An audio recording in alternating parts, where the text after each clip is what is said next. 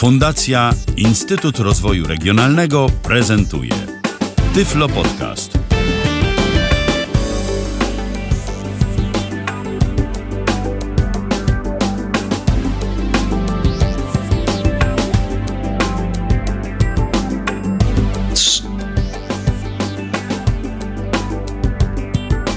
Trzeci dzień grudnia w kalendarzu, a na zegarze godzina 19 minęła. Rozpoczynamy kolejne spotkanie z Tyflo Podcastem na antenie Radia N. E, witam Was bardzo serdecznie, drodzy słuchacze. Witam także moich dzisiejszych gości, e, czyli Roberta Łabęckiego i Patryka Faliszewskiego, przynajmniej na razie, bo być może jeszcze ktoś do nas dotrze za czas Znowuż. jakiś. Tak, tak. tak. Dzień Znowu, dobry, witam. znowuż, ale y, ostatnimi czasy... Dobry, dobry.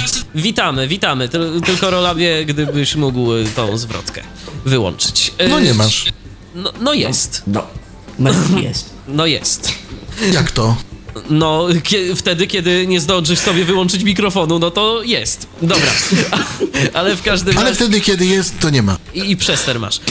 Okej, ale proszę Państwa. Kiedy y, jest, to proszę nie ma. Państwa, y, należy się y, w ogóle chwila wyjaśnienia. Myślę, tak na początku warto w ogóle powiedzieć o tym, dlaczego my tu jesteśmy tak. Można by powiedzieć, że na wariackich papierach trochę. To jest druga audycja improwizowana, ale y, muszę powiedzieć dlaczego. Kolejna... ale ta pierwsza, ta pierwsza była ładniejsza. No to, to się jeszcze okaże. To się jeszcze okaże. Ale ja chciałem powiedzieć, dlaczego ta audycja jest improwizowana. Otóż y, dlatego, że my jesteśmy aktualnie mm, w pocie czoła i w trakcie przygotowań y, bardzo zaawansowanych do transmisji konferencji Reha for the Blind in Poland 2012. Y, dziesiąta edycja tej konferencji w tym roku y, w Multikinie w Złotych Tarasach się odbędzie. My tam będziemy ekipą Tyflo Podcastu liczną, to trzeba powiedzieć, liczną. Y, No i oczywiście będziemy także y, sprzętowo, licznie tam specjalnie dla Was transmitować. Ciężarówkę wieziemy. Dokładnie, prawie że.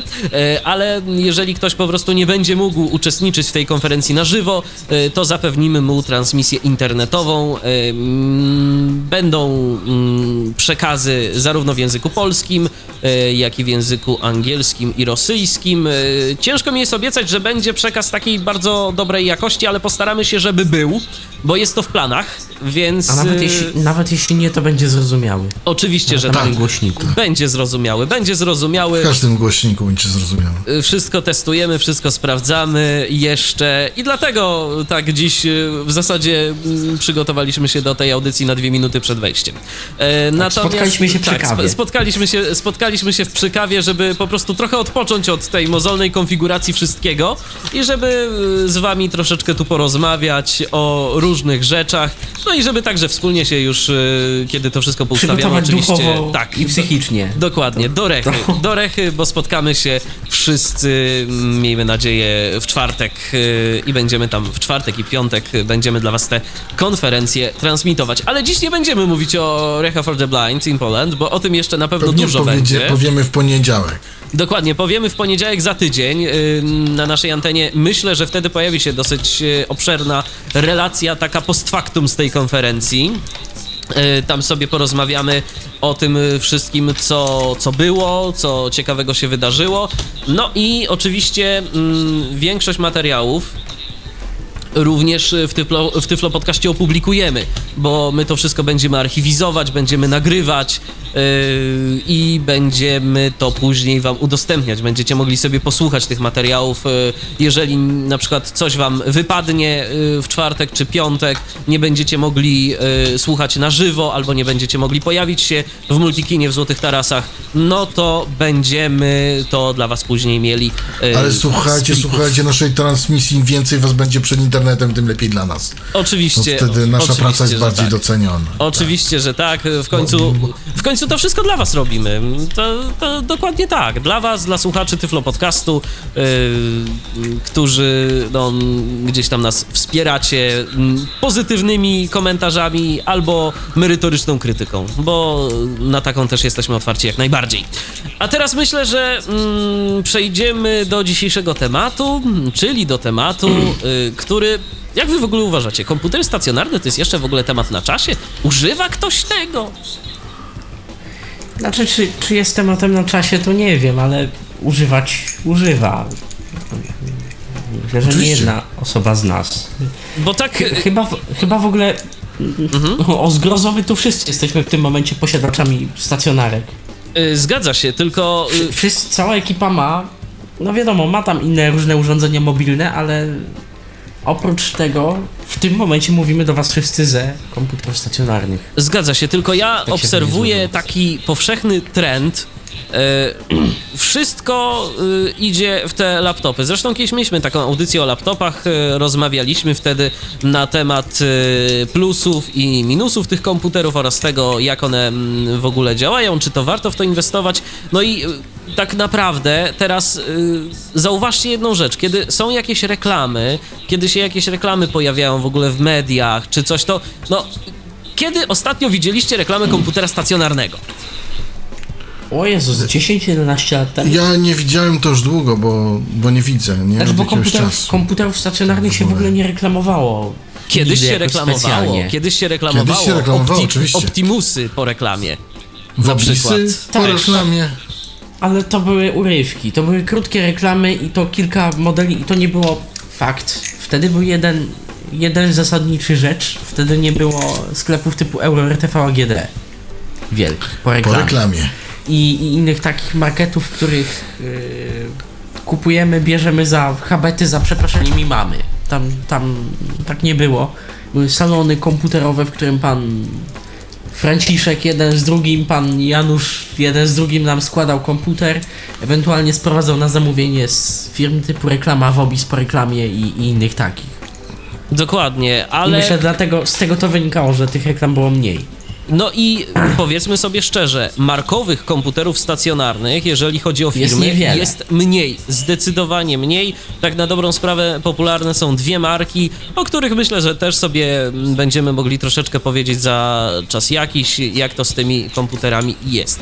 Ale zacznijmy może na dobry początek od y, tego. Już powiedzieliśmy, że jednak y, że, że te komputery są obecne w naszym życiu, a powiedzcie mm, jako użytkownicy, skoro decydujecie się na komputery stacjonarne, po co? Nie lepiej sobie tak korzystać tylko i wyłącznie z takiego laptopa? Y, o, k- który sobie, który sobie można, który sobie można wszędzie, który sobie można wszędzie zabrać, przepraszam bardzo, po prostu No, co ja efekty, poradzę? efekty, efekty akustyczne z dzisiejszej audycji są, są ciekawe, ale okej, Świetne. wróćmy do Będę, tematu. będą jeszcze lepsze, bo u mnie w domu też się dzieje. Postaram się, żeby nie było nic słychać, ale też się dzieje.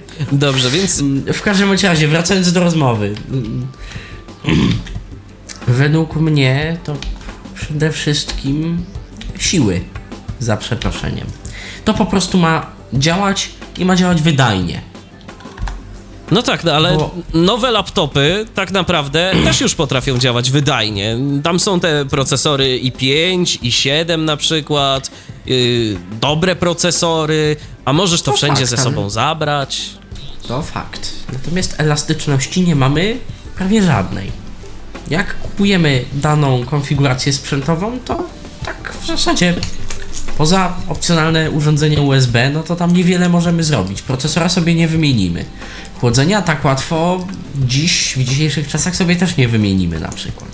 Mój laptop padł z powodu chłodzenia, znaczy on jeszcze żyje, ale to była rzecz, która już powoli A powiedzmy sobie szczerze, y, w tej chwili jest sytuacja taka, że dobry laptop jest drogi. dro- droższy od stacjonarki.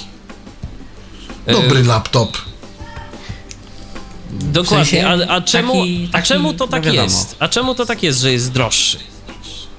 Dlatego, że no ten laptop musi, że tak powiem, swoje, tak? Przede wszystkim marketing i to, że laptopy są jakoś tam popularniejsze, troszeczkę, w mojej opinii przynajmniej, i z tego co zauważam, ale też yy, no upranie tego wszystkiego, tam trzeba niektóre rzeczy typu dyski na przykład.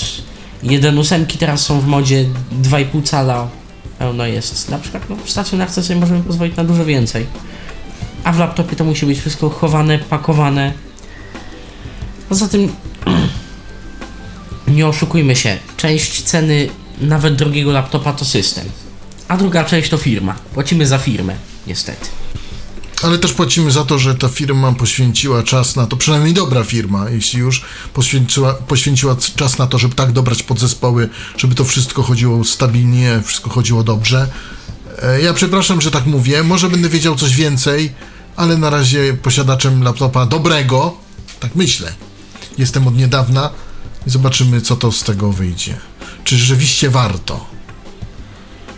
Dokładnie, tak, czy rzeczywiście warto, bo to może być, e, bo to może być z tym różnie. Zresztą, no zresztą właśnie. ja zauważyłem tak kiedyś, powiem wam szczerze, że próbowałem się rozeznać w tych laptopach i w ogóle w e, komputerach i tak sobie posłuchałem audycji e, też pewnej e, z gatunku podcasterskich. E, No i tam sobie Państwo rozmawiali na temat e, komputerów przenośnych, na temat tego, co jest dobre, a co jest złe. To wiecie co, ja stwierdziłem, że tak naprawdę już teraz nie ma dobrych komputerów, jak wysłuchałem tej audycji. Mówię o laptopach, nie ma dobrych laptopów. To fakt. Ja się, pod tym, o tyle, ja się o tyle pod tym podpiszę, że laptop mówimy o cenach rozsądnych, czyli do kilku tysięcy złotych, 6-7 na przykład, bo wiadomo, że możemy sobie kupić jakiegoś, ja nie pamiętam tej klasy teraz jak to się nazywa, bo to się wyszczególniło nawet chyba osobny taki target w ogóle w laptopach tych takich elitarnych. To jest na przykład seria EliteBook HP. Są laptopy, które kosztują 20 parę tysięcy, mają mega wielki ekran typu 21 cali z kawałkiem. Są za przeproszeniem krowiaste, fakt. Dobrze dobrane, ładnie wykonane. Podzespoły są proporcjonalnie lepsze od takiego czegoś, co kupiłby za 1800. Ale chyba to troszeczkę jednak nie o to chodzi. Może mm, słuchacze wyprowadzą mnie z błędu. Nie, nie natomiast- mówię o e-bookach, które są drogie i elitebookach, bo to są już takie, ale mówię o notebookach, zwykłych notebookach dla przeciętnego zjadacza chleba.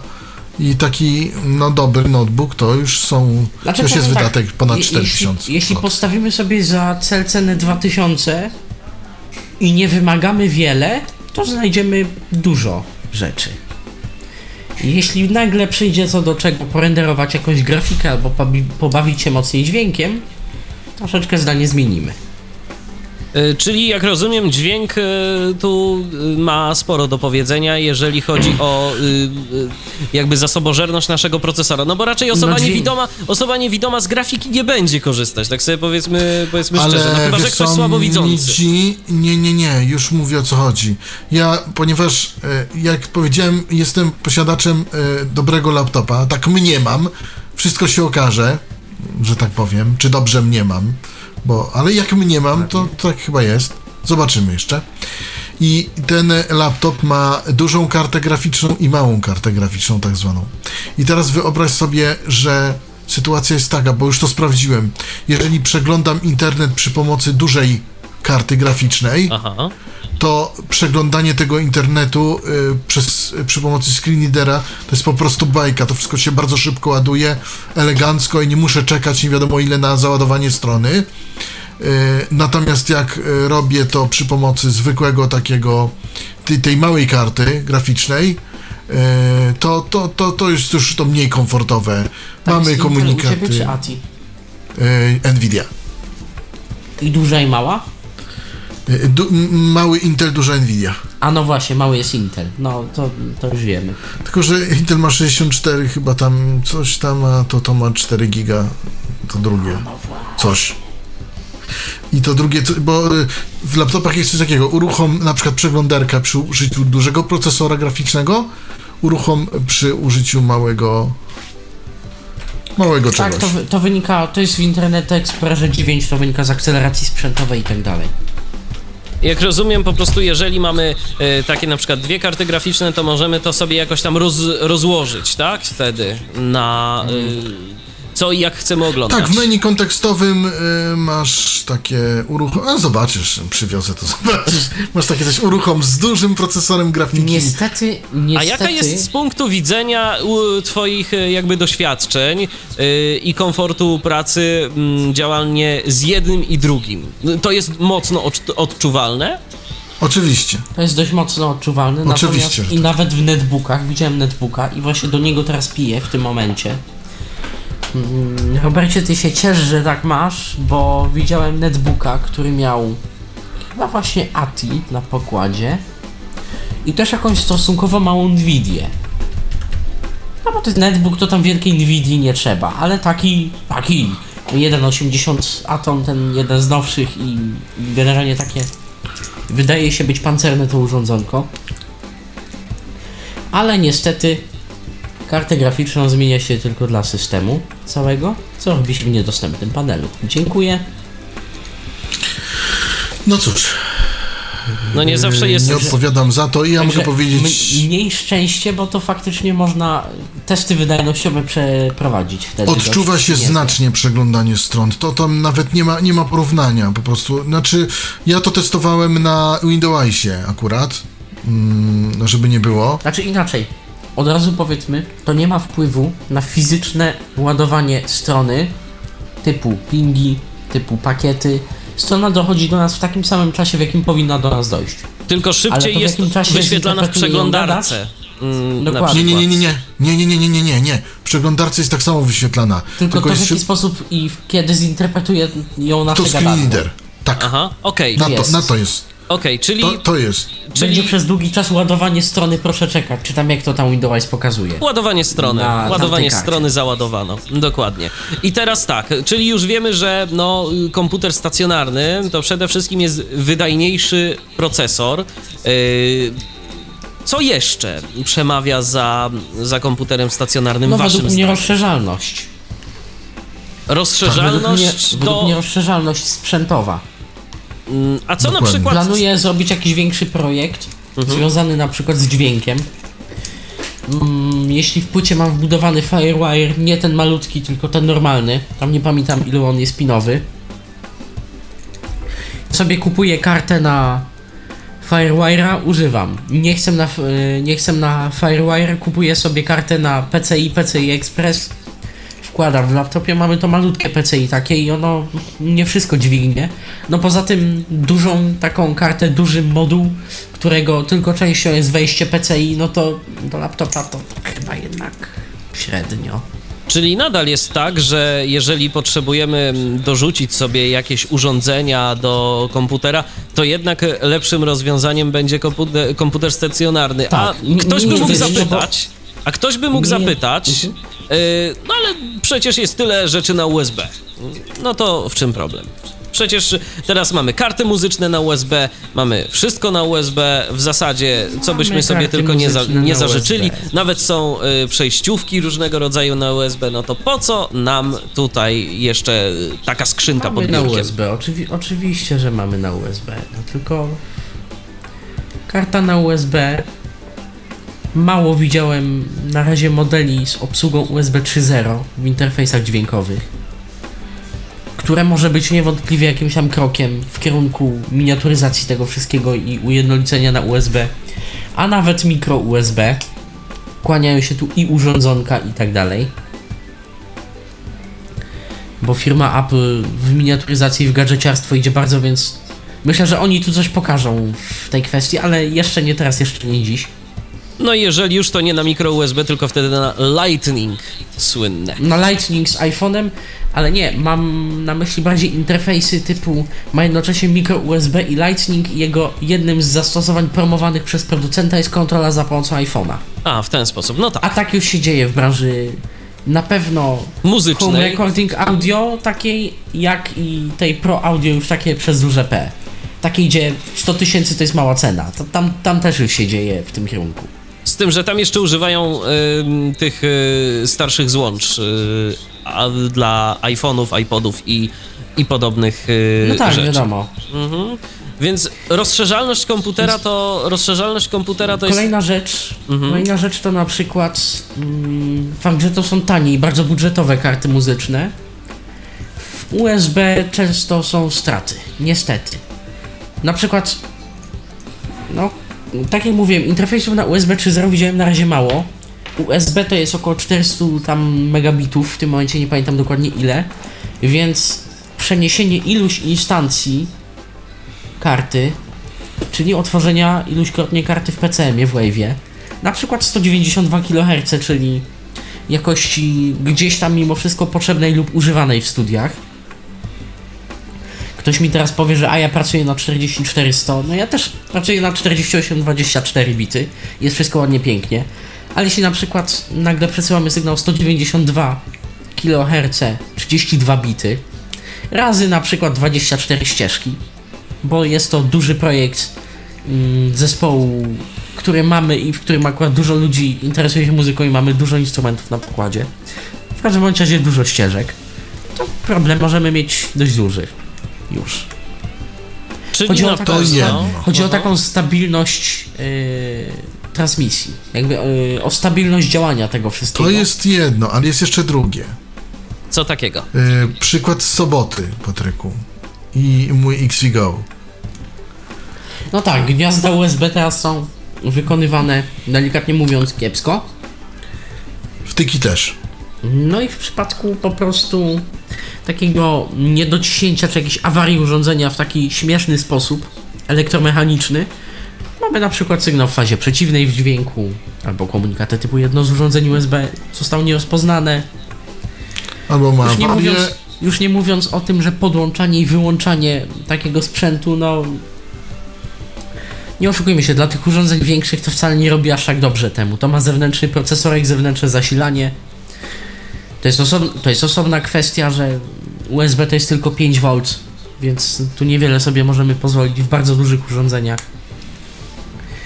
Także ja, ja myślę, że to jest punkt. To jest. Czyli po prostu mamy jakieś wąskie gardło, często w przypadku USB, a y, szyny wewnątrz y, naszego komputera, magistrale danych zdecydowanie mm, potrafią przepchnąć więcej informacji i możemy tam I pozwolić z sobie na więcej. Mhm. Fakt no faktem. I, no i te, te, te, te wejścia, te, te, te sloty PCI Express, czy PCI, czy, czy w ogóle jak tam to zwał, to, to, to jest stabilne, jak to się włoży, to się zakręci, dokręci śrubą, tudzież y, innym ustrojstwem zahaczy, to zależy od obudowy, Tak, bo są jakąś- różne, różne tak. mocowania. To, to, to, to, to jest stabilne. Wiadomo, że to nie wypadnie przy byle, byle czym, przy, to, to, to, to będzie działać, tak, że, że Znaczy, jak będziemy wieźli komputer po dawnej A4, no to może się coś stać, ale jak będziemy komputer przesuniemy o 3 cm, to nic się mu nie stanie takiemu Dokładnie. slotowi. Czyli I a propos tego, co nawet jak ten mówicie... komputer zmienimy lokalizację. A propos tego, co mówicie, to przychodzi mi na myśl kolejna dosyć e, istotna rzecz, mianowicie komputer stacjonarny y, dla nas, przynajmniej dla nas, y, łatwiej jest y, konserwować. Mam na myśli wszelkiego rodzaju rzeczy związane czy, z czyszczeniem y, i z podobnymi rzeczami. Ja, mówiąc szczerze, mm, nie podjąłbym się za bardzo y, rozkręcania laptopa i próby jego wyczyszczenia, na przykład z różnego rodzaju pyłków i, i, tego, typu, i tego typu rzeczy. Y, Znaczy, są, ja tacy, szczerze powiem- są tacy, co próbują, oczywiście, tylko potem się na przykład okazuje, że jakiś klawisz nie działa, nie chce się wcisnąć, y, albo że na przykład y, kiedyś słyszałem o takiej historii, że ktoś laptopa o- odkurzaczem czyścił i nagle okazało się, że połowa y, klawiszy zginęła w, w worku na śmieci. Trzeba było tam troszeczkę sobie pogrzebać, żeby je odzyskać. I teraz właśnie mówimy o dobrych laptopach i tych laptopach tańszych. I to jest To właśnie po pierwsze, różnica. ale po drugie, po drugie, mm, ja się zgodzę o tyle z Michałem, że no widzimy to wszystko.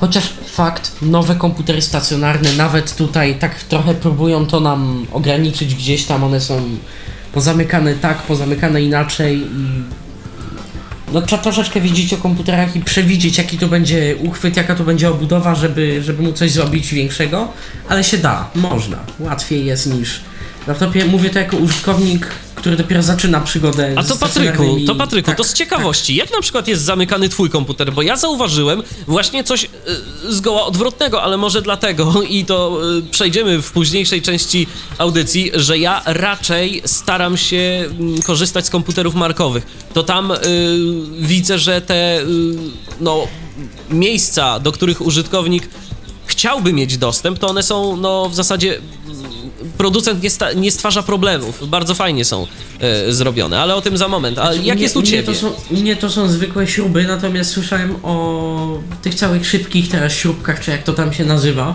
Ja troszeczkę nie chciałem w to iść, bo 40 razy to się ok- odkręci ok. 41 to padnie.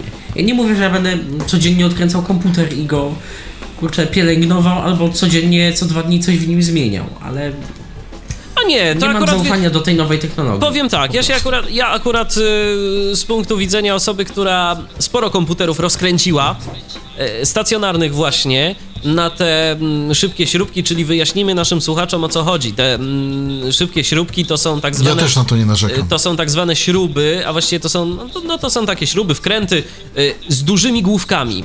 Jeżeli chcemy rozkręcić y, nasz komputer, zdjąć na przykład jeden bok z jego obudowy, to nie musimy w tym momencie y, używać śrubokręta. Po prostu ta główka tej śrubki jest tak duża, że chwytamy ją w dwa palce, przekręcamy, odkręcamy, y, no i już. I wszystko stoi przed nami otworem. Tak, i, i wielokrotnie to, to jest wygodne. Ja widziałem też, że to jest wygodne wszystko, ładne. No tylko, tylko pytanie właśnie jak to jak to z y, potem stabilnością i wytrzymałością tego. Jeżeli, ja podejrzewam, Patryku, że jeżeli nawet coś tam się z tym kiedyś by stało, to nie jest to wielki koszt yy, wymiany mm, takich yy, śrubek, tym bardziej, że one są uniwersalne. A już widziałem także komputery stacjonarne, w których po prostu śruby, yy, gdzieś tam gwinty były porwane i, i tego typu rzeczy się działy. Pięk, piękny widok. Tak, tak, tak, tak, tak. No, kiedyś widziałem na przykład y, komputer stacjonarny, którego y, panel przedni, dlatego że nie był. mm, Dlatego, że nie był, nie było go za bardzo jak przymocować, był przymocowany na taśmę klejącą. Tak po prostu zrobiony miał, taką, o, zrobiony miał taką opaskę z taśmy klejącej, która biegła od panelu przedniego przez boki komputera i się kończyła gdzieś na tyle. Tak ktoś To, sobie. to, jest moja, to jest moja prywatna nagroda Nobla w kategorii montaż komputera. Tak, tak, to, ktoś sobie to zrobił, bo po prostu był jakiś problem z tym komputerem i stwierdził, że mu się to już e, nie bardzo, nie bardzo opłaca gdzieś tam inwestować nawet w jakieś takie śrubki.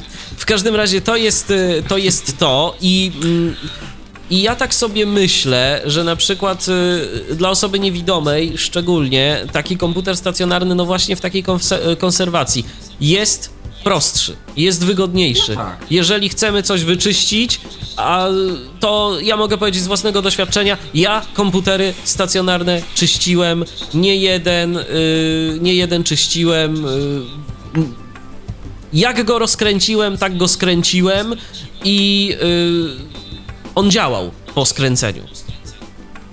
Więc y, No właśnie.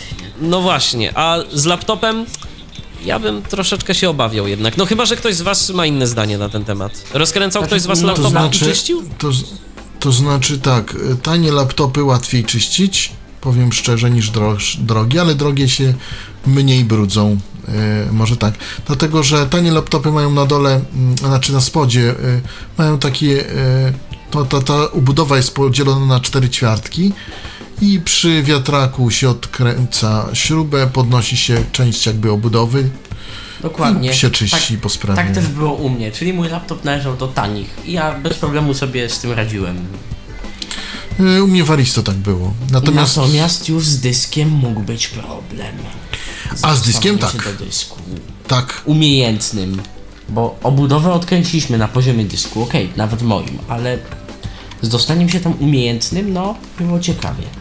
Po niewidomemu oczywiście. No i oczywiście później, jeżeli przyjdzie nam nawet do głowy rozbudowa takiego y, komputera, y, na przykład, nie wiem, dołożenie pamięci, y, wstawienie nowego dysku twardego, y, rzeczy podobne, to jest rzecz do zrobienia bez większego problemu. Trzeba poświęcić temu trochę czasu. Y, Z wymianą procesora, no to już może być y, większy problem, bo to jest jednak delikatne urządzenie. Ale podejrzewam, że, nawet podejrzewam, widzący że musi też się da. uważać. I to widzący też musi uważać y, z tym. y, Czy dla mnie to jest tylko jeden program, problem zasadniczy. Jaki? Posmarować to pastą tak, żeby to było elegancko posmarowane na całej, na ca w całym tym jakby, a żeby to nie wystawało poza poza to, poza te, te, te chodzenie, bo to podstawkę. jest nie, poza podstawkę, bo to jest bardzo niedobrze, jak wtedy na przykład, nie daj Boże, jak, jak część tej pasty może spaść gdzieś tam na ten. E, To, to jest główny problem, żeby to posmarować. Bo tak to, to jest w miarę proste, więc to tam. Ale to jest właśnie to e, zabawa z pastą. To jest. No i to jest też troszeczkę doświadczenie. Mówię, ja, ja na przykład początkuję w stacjonarnej komputerologii, o zgrozo kilka lat za późno, ale po prostu taka potrzeba zaszła i no, laptop nie spełniał dłużej moich oczekiwań, a jeszcze nie jestem na tyle szalony, żeby przesiadać się na urządzenia mobilne stricte i to je tworzyć, to z nich tworzyć całą swoją bazę. No więc, no więc po prostu dlatego też mówię, dla mnie to jest troszeczkę trudniejsze niż Robert tu opisuje, wiadomo. No znaczy ja się zdziwiłem dlatego, że ty nie kupiłeś sobie dobrego laptopa takiego, takiego, naprawdę z prawdziwego zdarzenia. Szczerze, na tamte czasy to był nawet niezły. Natomiast, natomiast miał, e, to był niezły wśród tych takich dość tanich. On tam kosztował wtedy jakieś, teraz można mówić, prawie 4000, 3800 chyba, czy jakoś tak. Aha, a no to rzeczywiście był droższy. Swoją drogą, swoją drogą właśnie Pod w tym koniec momencie... 2007 2 razy 2 GHZ sobie kupić, no to tak było. A nie, no to y, 2007, tak? A nie, okej. To Tak. już, no to już było coś. Y, Ja chciałem tylko powiedzieć, że właśnie w tym momencie udostępniłem naszego Skype'a radiowego tyflopodcast.net, piszemy tyflopodcast.net 223988027 wewnętrzny 938 nasz numer telefonu. Punktualny, Y, Można dzwonić, dokładnie, równiutko w pół do, jeżeli ktoś chciałby się podzielić swoimi refleksjami dotyczącymi komputerów A jak- stacjonarnych i laptopów i dlaczego lubi a to, słysz- dlaczego słysz- tamto. A, je, a jak jeszcze słuchają nas y, ludzie z zagranicy, to... Time is 19.30. No właśnie. Do Roberta po prostu Dziękujemy. Mikołaj przyszedł wcześniej. Nie, przyszedł, to, już ma trochę czasu. Okej. Przyszedł kilka lat temu. Kilka lat temu, dokładnie. Tak, no to tak, wcześniej. z- z rok zdecyd- tak. no Zdecydowanie to zdecydowanie wcześniej. Zachęcamy do dzwonienia, jeżeli ktoś chciałby ym, coś na naszej antenie powiedzieć a propos dzisiejszego tematu. Przypominam, dzisiejszy temat to są komputery stacjonarne, ale tak ym, niejako zderzamy je y, również z laptopami. No bo to jest ostatnio modny temat, laptopy. Y, na portalu Tyflo Świat przede wszystkim, w serwisie Tyflo Podcast również, y, w mniejszej ilości, ale jednak także. Y, Publikujemy różnego rodzaju recenzje laptopów. mm, To szczególnie Michał Kasperczak ma w tym swoje zasługi, bo to jest takie jego hobby.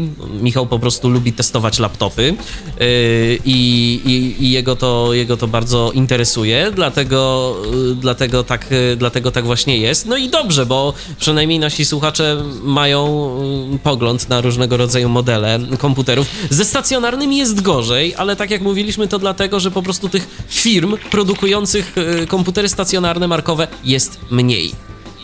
No i ze stacjonarnymi jest przede wszystkim ten problem, że nie ma nie ma jakby jed- jednoznacznej takiej konfiguracji. Ze stacjonarnym komputerem jest troszeczkę jak z systemem operacyjnym Linux. Każdy konfiguruje jak mu się podoba. Na jakiejś ewentualnie jednej podstawie powiedzmy. W No i właśnie. postaci płyty głównej i tyle. I właśnie, i teraz dochodzimy do tematu y, takiego mm, troszeczkę kontrowersyjnego. Może. Mm, Mianowicie, jakie jest wasze BIOS zdanie? versus UEFI? Nie, nie. To nawet nie to. Mi chodzi o coś innego. Co waszym zdaniem jest y, lepszą opcją? Komputer markowy, y, y, na przykład marki Dell albo HP po reklamie, bo to są, y, właśnie. bo to są y, przede Wiodący wszystkim w tym tak, momencie. wiodący mm, producenci, którzy de facto oni nie robią swoich komputerów. To nie jest tak, że na przykład dostajemy, kupujemy sobie komputer HPK i tam mamy w środku procesor HPK. Nie, tam jest jakiś Intel mm, zazwyczaj, yy, ale po prostu oni te konfiguracje brandują swoim logiem, bo oni je teoretycznie testują dłużej. I, i, to też, I to też właśnie chciałem mówić, że z mojego doświadczenia nie za wielkiego z takimi komputerami, zarówno składakami, jak i tymi markowymi, mm, często, na przykład w przypadku HP, jak polecać, to polecać, jak negować, to też negować. Mm, często w przypadku na przykład tej firmy, komputer po prostu działa Tak, takie ustawienie, taki za przeproszeniem preset, który my sobie wybierzemy, taki markowy komputer HP, dany zestaw, on po prostu będzie działał. Może nie będzie pod nas bardzo ładnie dostosowany, ustandaryzowany pod nas. On nie będzie jakiś tam bardzo nietypowy, ale mniej więcej można coś dla siebie wybrać. Jak ktoś potrzebuje takiej mega stabilności i w pewnym sensie pewności, to w przypadku HP na pewno te zestawy 80 parę procent gwarancji, że to, że to będzie fajne.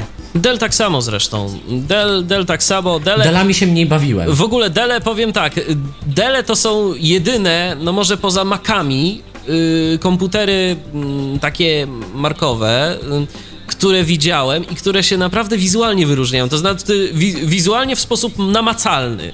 Ujmę to w ten sposób, bo komputery HP to są takie, takie zwykłe, standardowe skrzyneczki, które sobie gdzieś tam yy, stawiamy pod biurko. Natomiast, natomiast te Dele, no one jednak są czasem troszeczkę tak zaokrąglone, yy, tam jest to logo Dela, no przy HP zresztą też jest, ale, ale te Dele są takie ładniejsze z wyglądu, ja bym w ten sposób powiedział. Tak, tak, dele, dele są ładne namacalnie, to fakt. Także jeżeli... Komputery stacjonarne, markowe są, są ładne i, i bawiłem się takimi. Za to oni na przykład bardzo, bardzo oszczędzają w podzespołach. Tam są na przykład karty dźwiękowe typu Sigmatel Audio albo inne takie, które no działają tak sobie czasami. Natomiast teraz pytanie, co naszym słuchaczom byście radzili? Jeżeli ktoś zastanawia się nad y, komputerem stacjonarnym, iść w tą markę, czy jednak samemu coś? A w jakim przypadku samemu coś sobie próbować składać? Samemu próbować sobie coś skła- składać. Ciekawe, czy się Robert ze mną zgodzi. Kiedy mm, chcemy zaoszczędzić na cenie, trochę. W przypadku komputerów niewiele wymagających. A w przypadku komputerów i użytkowników, którzy chcą czegoś konkretnego, no to przede wszystkim, żeby to mieć już włożone jakby na starcie, będąc osobą niewidomą. Na przykład. Żeby sobie ułatwić w pewnym sensie życie. Jak na przykład nie widzimy danej marki z tym a tym procesorem i z tą konkretną wersją, ale przy jednocześnie takiej a takiej ilości pamięci, bo na przykład nie chcemy płacić za więcej, to po co mamy płacić za więcej i ją ewentualnie wymontowywać? Okej, kilku użytkowników teraz powie, że skoro dają mi więcej, no to już lepiej zapłacić i mieć więcej niż chcemy, będzie zapas. Natomiast jeśli to ma być komputer na przykład do biura o określonych konkretnych wymaganiach, albo do jakiegoś studia, czy to dźwiękowego, czy to filmowego o wymaganiach minimalnych jakichś, to, to myślę, że wtedy komputery niestandardowe, te za przeproszeniem składaki. Natomiast jeśli chcemy... No, trzeba Powiedział Robert. Tak, dlatego, że to nie jest tak do końca. Ponieważ ja, ja akurat nie składałem sam komputera, bo wolałem e, chyba kogoś mądrzejszego od siebie, bo nie zawsze płyta pasuje do pamięci, pamięć do czegoś tam jeszcze i tak dalej, i tak dalej. Ale Więc kogoś wolałem, mądrzejszego, kogoś mądrzejszego, czyli wybrałeś sobie komputer tak zwany półfirmowy, czyli brandowany przez salon, przez jeden ze sklepów Tak, sprzedających komputery. No ja Tak, skorzystałem z tak. tej samej opcji, bo ja sobie nie wyobrażam siebie wkładającego pamięć, względnie montującego procesor do płyty, przynajmniej w obecnym stanie zaawansowania yy, mojej Ja techniki ja- komputerowej. Ja mam problem z tym, żeby to wszystko spasować, to znaczy... Nie mówiąc już o właśnie zależnościach, które akurat dzięki markowym komputerom z reguły mamy załatwione już po prostu tak o, z marszu. I też e, kwestia jest, bo to jeszcze przy płycie głównej jest mnóstwo kabelków różnych do podłączania różnych konektorów. To też nie jest takie łatwe i oczywiste. Niektóre są całkiem niestandardowe i trzeba się bawić, bo tak. Znaczy tam jest kilka standardów, ale na przykład kilkanaście konektorów jest takiego standardu, a jeden lub dwa będą zupełnie innego, bo, bo akurat Ale potrzeba. powiem tak, e, miałem e, już trzy takie półbrandowane komputery, dwa z suwalskiej firmy, jeden z ogólnopolskiej. Powiem szczerze, źle na tym nie wyszedłem. Nawet, e, nawet dzisiaj. Ja powiem tak, ja mam, ja mam komputer z firmy ogólnopolskiej. Poprzepychałem się z panami troszeczkę, bo stwierdzili, że mają na to własną koncepcję inną niż ja, ale w rezultacie wyszło i tak na moje. Więc komputer działa i, i jest ok. Też. Ja natomiast mam y, komputer markowy, jeden komputer i drugi firmy HP. Y, jeden, Po to jest, jeden to jest tak, po reklamie. Jeden to jest jeszcze komputer polizingowy i o tym też można powiedzieć, bo jeżeli, bo, bo to też jest jakaś opcja, To jest jakaś opcja, ale dokładnie. to, ale to trzeba Jakieś uważać, to trzeba na to uważać i, Oj, i to bardzo. i za momencik, po, i za momencik powiemy, Tak bo, bo, bo ja też mam coś do powiedzenia w temacie. Tym bardziej, że widziałem ostatnio dwa fajne komputery polizingowe marki Dell. E, ale to później. E, natomiast teraz. Ale twój Y, komputerek. No mój komputerek, mój komputerek w porównaniu, wiesz co, mój komputerek to się jeszcze jakoś trzyma. Natomiast, natomiast tamte komputerki mm, to, to, to było w ogóle cudo techniki. Ale wracając do, wracając do marki HP, to ja te komputery z czystym sumieniem polecam ze względu na jedną, jedyną rzecz. To już tam nawet nie chodzi o to, że te komputery są stabilne. No bo one są stabilne, to tak powinno być, a wiadomo, różnie z tym jest. Jedne komputery są stabilne, inne komputery nie są stabilne, czasem się coś dzieje. Ja powiem tak, ja kiedyś miałem komputer, y, który był kupiony w y, sklepie. Też teoretycznie powinno to jakoś w miarę działać. To był komputer y, kupiony w sklepie nie dla, nie dla idiotów. Natomiast. Ale taki, taki mega preset, czy taki preset z przełączanymi ustawieniami? Nie, taki, taki preset, taki Nie, po prostu. mega preset. Taki mega, Mega preset, komputer. Komputer, który sobie stał i można go było kupić. Ja akurat sp- wtedy specjalnie Aha. nie, nie zastanawiałem się, co ja chcę. Ja wiedziałem, że ja chcę komputer, bo ja musiałem mieć komputer, bo ja miałem y, y, chwilę wcześniej bliskie spotkanie z piorunem kulistym y, i po prostu. O, a tak. No, i, i komputer A tak. był, i komputer y, się spalił. W bardzo Nie ciekawy tylko sposób. Komputera nie było, chciałeś powiedzieć. Komputera nie było, komputera nie było, komputer się Się spalił. zanihilował. Dokładnie, więc ja kupowałem go bardzo szybko. I Ale tego. skrzynka ci została na pamiątkę. Y, tak, gdzieś tam stoi w rodzinnym domu, chyba moja mama kwiatki sobie na niej stawia. Takie co, co, co większe. Y, na- Takie dla ozdoby. Tak, takie dla ozdoby. Taka nowoczesna sztuka, wzornicza. Tak. W każdym razie Martwa ja. natura. Tak, ja potem bardzo tego zakupu żałowałem, bo ten komputer ni z tego nizowego potrafił y, się wyłączyć, potrafił się zresetować, no i niestety to już było po okresie gwarancyjnym. To już było po okresie gwarancyjnym. Takie coś się zaczęło dziać. No i stwierdziłem, że, że okej, trzeba będzie zainwestować w coś mm, nowego. No i zdecydowałem się, bo akurat firma, dla której yy, świadczę usługi IT, tak to określmy, właśnie wtedy też yy, zmieniała sprzęt i ja miałem okazję w końcu popracować, robiąc, serwisując y, komputery, stawiając tam systemy i robiąc różne rzeczy na markowym sprzęcie, bo wcześniej to tam też były składaki i to były też właśnie składaki z takich firm ogólnopolskich i powiem szczerze, że, że to nie działało po kilku latach dobrze. Natomiast y, te komputery, mm, które Ilu latach? Bo po jakichś, po jakichś dwóch latach, po jakichś trzech latach. tak. A nie, no. Nie, u mnie, ja to mówię komputer 6 lat. Wybrałeś, szczerze. Tak, tak. U mnie komputery 6 lat po 6 lat No chodziły. ja te, te, co widziałem, to też chodziły tak 4-5, tak spokojnie. Myślę, że gdyby je zajechać odpowiednio, to z 7 by chodziły. Tak. Natomiast y, wracając do, wracając do tematu y, tych markowych komputerów, akurat y, tu było postawione na HP. No i powiem tak, jeżeli chodzi o HP, to jedna rzecz mnie w tych komputerach najzwyczajniej w świecie urzekła, mianowicie bezgłośność ich pracy. Tam, proszę Państwa, najgłośniejszy jest dysk twardy. Wiatraków praktycznie nie słychać. Ja mam w tym momencie bywa tak, ja mam dwa komputery HP stacjonarne, włączone niekiedy 24 godziny na dobę i ja jestem w stanie bezproblemowo w tym pokoju spać. Przy włączonych dwóch komputerach. Pytanie jak z wydajnością taką, nie taką doraźną, tylko taką benchmarkową wtedy. Czy te cichość tych Yy, wentylatorów Wiesz co? nie, nie zakłóca tego jakoś tam? Nie, nie, nie. Ja kiedyś, spra- ja kiedyś sprawdzałem, jak to działa na mm, przyspieszonych obrotach i kiedy mm, trzeba y, te komputery, im nieco ten procesor obciążyć. Nie było problemów. Y, Natomiast już rzeczywiście trochę głośniej te wentylatory pracowały, ale to nadal było cicho. To nadal było cicho i te komputery, mm, te komputery HP po prostu one tak mają. Tam jest jakaś taka konstrukcja, że one są cichutkie. One są, one są ciche, tam są bardzo fajnie dobrane wentylatory, y, obudowy też podejrzewam, że są dobrane bardzo, bardzo jakoś ciekawie i to działa. I to po prostu działa. Także jeżeli komuś zależy na y, wydajności, y, a właściwie nie wydajności, tylko na y, bezgłośności pracy, no to ja polecam, To to, ja polecam polecić. Tak. Z laptopami jest zresztą bardzo podobnie. Było przynajmniej na stan półtora roku, dwa lata temu. Teraz nie wiem. Ja powiem w ten, ja powiem w ten sposób. Moi, ja powiem w ten sposób. Trochę mi ciężko to porównywać, bo trochę, bo laptopy mamy mm, jakby one są bliżej nas.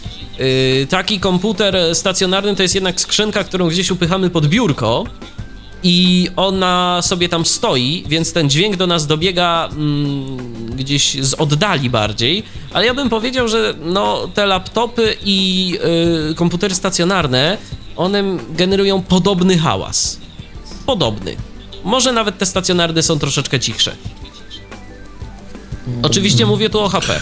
No, ja, ja powiem, być może, być może używają jakichś odpowiednich y, y, podzespołów, nie wiatraków.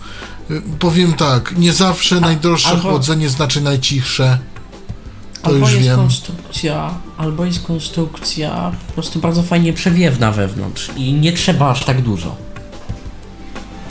I E, jeszcze ja jedna rzecz, tak. jeszcze jedna rzecz, bo, bo zapomnę, a to chciałbym powiedzieć, bo to jest ważne dla osób niewidomych, y, jeżeli chodzi o komputery HP y, i o to, jak one są wyposażane. Proszę Państwa, wyobraźcie sobie taką Aha, sytuację. Tak, tak. Wiem, wiem o czym chcesz mówić. Wyobraźcie sobie taką sytuację. Kupujecie sobie ten komputer, podłączacie go, y, zapominacie podłączyć głośników, włączacie ten komputer, a on zaczyna wydobywać z siebie dźwięki. Komputery HP mają wbudowany głośnik i to nie jest PC speaker. To jest po prostu wyprowadzony gdzieś w środku malutki głośniczek podłączony do zintegrowanej karty dźwiękowej tego komputera. Bardzo fajna rzecz. Gorzej jeśli się zatnie. E, to znaczy? Zintegrowaną kartą często, nie zawsze w apekach jest Realtek. Czasami bywa tak, że inteligentny jego mechanizm wykrywający, czy aby na pewno ja coś teraz podłączyłem w gniazdko, albo tamtej zworki nie rozewrze i się nie wyłączy tamto poprzednie urządzenie, albo wysyła ciągle zasilanie na wejście, z którego dawno coś odłączyliśmy. E, To się zgadza, może tak być. Ja natomiast e, muszę powiedzieć, nie miałem nigdy takiej sytuacji. E, A trochę tych komputerów HP jednak mi przez ręce przeszło.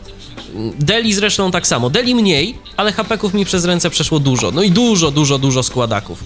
E, To, to też jest Różnej maści. różnej maści, oj różnej maści. Mm, Bo według mnie składaki mogą być stabilne i zdarzają się fajnie dobrane składaki. Zdarzają się, słuchajcie, ja mam do czynienia z taką jedną firmą, yy, która, dla której te, te komputery stacjonarne mm, jakby serwisuję, robię, yy, instaluję im tam to, co oni chcą yy, i oni mają powiedziane, żeby po prostu tego nie ruszać. Oni na tym mają pracować. I tam są, tam są tacy pracownicy, którzy jednak troszeczkę mają pojęcia chyba o tych y, komputerach, a przede wszystkim mają pojęcie o tym, że żeby coś działało, y, to trzeba mm, no jednak y, dobrać sobie w miarę mm, dobry sprzęt, dobre komputery i y, to nie mogą być takie najgorsze podzespoły. I kiedy oni mi przysyłają komputer do jakiejś tam aktualizacji, do zrobienia czegoś z nim, to ja po prostu nawet nie muszę tam się zastanawiać, czy reinstalować system. Nie ma takiej potrzeby. Tam jeszcze nie było nigdy sytuacji, że coś tam, jakiś podzespół siadł. A to są składaki. Także mogą być dobre składaki, które tam w tej firmie chodzą przez 8 godzin dziennie, przez 5 dni w tygodniu i, i to po prostu też funkcjonuje. Także to nie jest tak, że tylko markowe, ale z markowymi trzeba ostrożnie. I trzeba wiedzieć, co się robi. No tak, z, z drugiej strony ze składakami nie warto brać najtańszego, ale też nie zawsze to, że kosztuje 40 tysięcy powoduje, że jest najlepszy.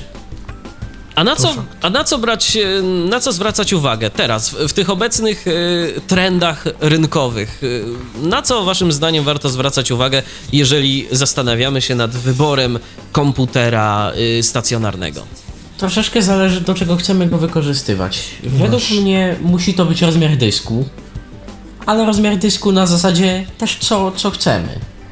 Ja na przykład od razu mówię, ja sobie wziąłem tam 640 talerzową, bo nie będę tam robił wielkich archiwów, bo dysk sprzętowy padnie, ja sobie go łatwo nie wyprowadzę tako, będę sobie musiał zakupić zewnętrzne coś typu kieszeń, no to wtedy, wtedy sobie coś tam zrobię. Natomiast to jest dysk, który ma być na dane takie wewnątrz komputera, ale, ale nie, nie na C, wiadomo. Natomiast ja zaeksperymentowałem, muszę powiedzieć. I poszedłem w SSD. I jak, mnie za system robi Solid State 64-gigowe y, SSD. ilu gigowe? momencie 64. I jak jesteś z tego Niewielkie. zadowolony, Patryku? W sumie, Gdyby miało te 16-20 giga więcej, bym się nie obraził. Natomiast z drugiej strony to był mój świadomy wybór, że taka, a nie inna pojemność. Natomiast co by temu nie mówić, na tyle na ile to chodzi, czyli od końca sierpnia, a tak pełnoprawnie to od pierwszych dni września, ten dysk po prostu działa. Chodzi pięknie, elegancko i to jest ta szybkość.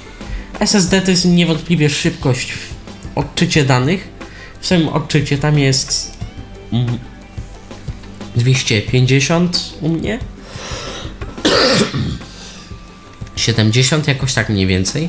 Zapis jest podobny. Natomiast to jest szybkość losowego dostępu.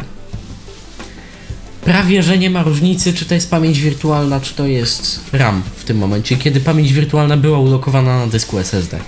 Czego się robić nie za bardzo powinno, natomiast zrobiłem sobie test po prostu. Zawaliłem możliwie mocno swoje 4 GB które mam w tym momencie w tej konfiguracji. Z racji, że używam systemu 32-bitowego, na to też trzeba zwracać uwagę. I jaki to jest system? Czy to jest Windows 7, czy Windows 8 i czy jest 64 czy 32-bitowy? I to zależy. Tak? Ja na przykład jestem zadowolony z 64, pomimo tego, że ma parę niedomagań, ale ma parę future'ów. A dla No, kogo jest parę- jaki system, może powiedzcie? Ciężko powiedzieć tak naprawdę. Myślę, że 64 bity są w pewnym sensie bardziej uniwersalne dla użytkowników zwykłych. Tak. Bardziej takie dla lamerskie. Nie, tak, tak bym nie powiedział, ale takie no. Już nie lamer, ale jeszcze user. Chcę sobie poglądać filmy, instaluję sobie program. Mam do tego wersję 64-bitową. Chcę przeglądać internet lepiej niż domyślnie, instaluję alternatywną, często wolnoźródłową przeglądarkę. Ma y, wersję 64-bitową lub tak zmostkowaną, że ona działa na 64 bez zarzutu i działa faktycznie szybciej umie to wykorzystać. Albo Chcę- używamy 64-bitowej wersji domyślnej przeglądarki, bo ona jest też domyślnie. No tak, ona, ona, jest, ona jest fajna, ładna, ale nie każdy to lubi i, i mam tego świadomość jakby. I o tym, o Tak, tym też tak, mówię, że no preferencje są jakby różne i 64 w podstawowej warstwie tym preferencjom potrafi sprostać, a nawet już w coraz bardziej zaawansowanej warstwie. Coraz więcej tych programów się robi na 64 bity lub 32-bitowe wersje są tak e, przebudowywane, żeby jakoś, bo jakoś, ale działały. Zawsze można kombinować z trybami zgodności i to też może pomóc. Mamy mówię od telefon. razu, Może, nie musi. Mamy telefon, Sławek Tak? się do nas dodzwonił, witam. Hej, nie wiem, czy mnie słychać? Słychać cię głośno Tak, i wyraźnie. słychać. Dobra. Y, wiecie co, jeżeli chodzi o komputery, to moim zdaniem nie warto zwracać uwagi na markę, bo jakbyście przeanalizowali to, mm, z czego one się składają, to tak jakby po prostu ktoś je mm, e, złożył, ponieważ niestety, ale e, jak zajrzymy sobie, co zawiera Dell albo co zawiera HP, mówię na przykład o laptopach, tak? E, to ani płyta główna nie jest Della, ani dysk nie jest Della. Modem jest Panasonica, czy tam Sony, ten modem e, 3G na przykład. Karta muzyczna masz- kogoś innego, karta I sieciowa masz kogoś delikatnie innego. mówiąc świętą rację. Wszystko jest E, ładnie, I pięknie. teraz, I teraz chodzi o to, że Dell, czy Sony, czy, czy e, HP w przypadku laptopów, one e, mają się różnić wyglądem, one mają przyciągać oko, mają przyciągać e, e, czy to mm, człowieka biznesu, czy e, zwykłego użytkownika, czy na przykład No co, e, co zresztą kogoś, już powiedzieliśmy, modele wyglądają bardzo ładnie. lub, lubi, lubi grać, prawda? Lubi e, e, e, dużo, znaczy lubi korzystać z różnego typu gier, no to też musi dla niego ten laptop e, jakoś tam inaczej się prezentować. I dlatego też między innymi Dell ma te mm, nakładki, e, czyli można zmieniać sobie e, e, e, obudowę, znaczy tą wierzchnią pokrywę. Sony jest, tak Vaio ma na przykład e, różne, różnokolorowe mm, e, e, laptopy. Mm, Ja Posiadam. Podobno śmiesznie to wygląda. co, teraz, ym, jak, jeżeli mogę, to wam powiem, co u mnie na przykład zadecydowało o tym, że wybrałem Della XP Studio, na przykład taki komputer, Mhm. e, laptop. E, dwie rzeczy. Pierwsza sprawa to dysk, dysk twardy, którego prędkość jest 7200, co e, Tak, wyróżnia właśnie Dell chyba jako i HP. jedyny dodaje do laptopów 7200. Nie, Nie, nie, nie, wiem jak Tak, HP. Dell i HP też. w HPK Samsung też to tych najnowszych serii 5. Mhm. I jeszcze e, zadecydowało to, że e, ma tutaj e, wejście na Express Card. E, co teraz już właściwie się z tego wycofują producenci i. i Bo mało i urządzeń właściwie- na to powstawało. tak, niestety. tak. I mamy USB 2 i tam powiedzmy i USB 3, tak? Natomiast e, już nie ma tego Express Card. Mi się to akurat przydaje, bo e, e, e, moja konsoleta, duża konsoleta Presonusa e, działa na FireWire. E, A ja no nie byłem- właśnie, dźwięk. dźwięk. tak, ja nie byłem, ja nie byłem pewien, czy. FireWire taki na pokładzie komputera, czy on, czy on będzie zaakceptowany przez konsoletę, więc, więc stwierdziłem, że lepiej mieć ten Express Card i możliwość wyboru mm, e, e, kontrolera FireWire na Express Card e, w razie gdyby konsoleta nie, nie Takiego, zechciała który działać. konsoleta akceptuje, pewnie jakiś Texas Instruments albo coś takiego.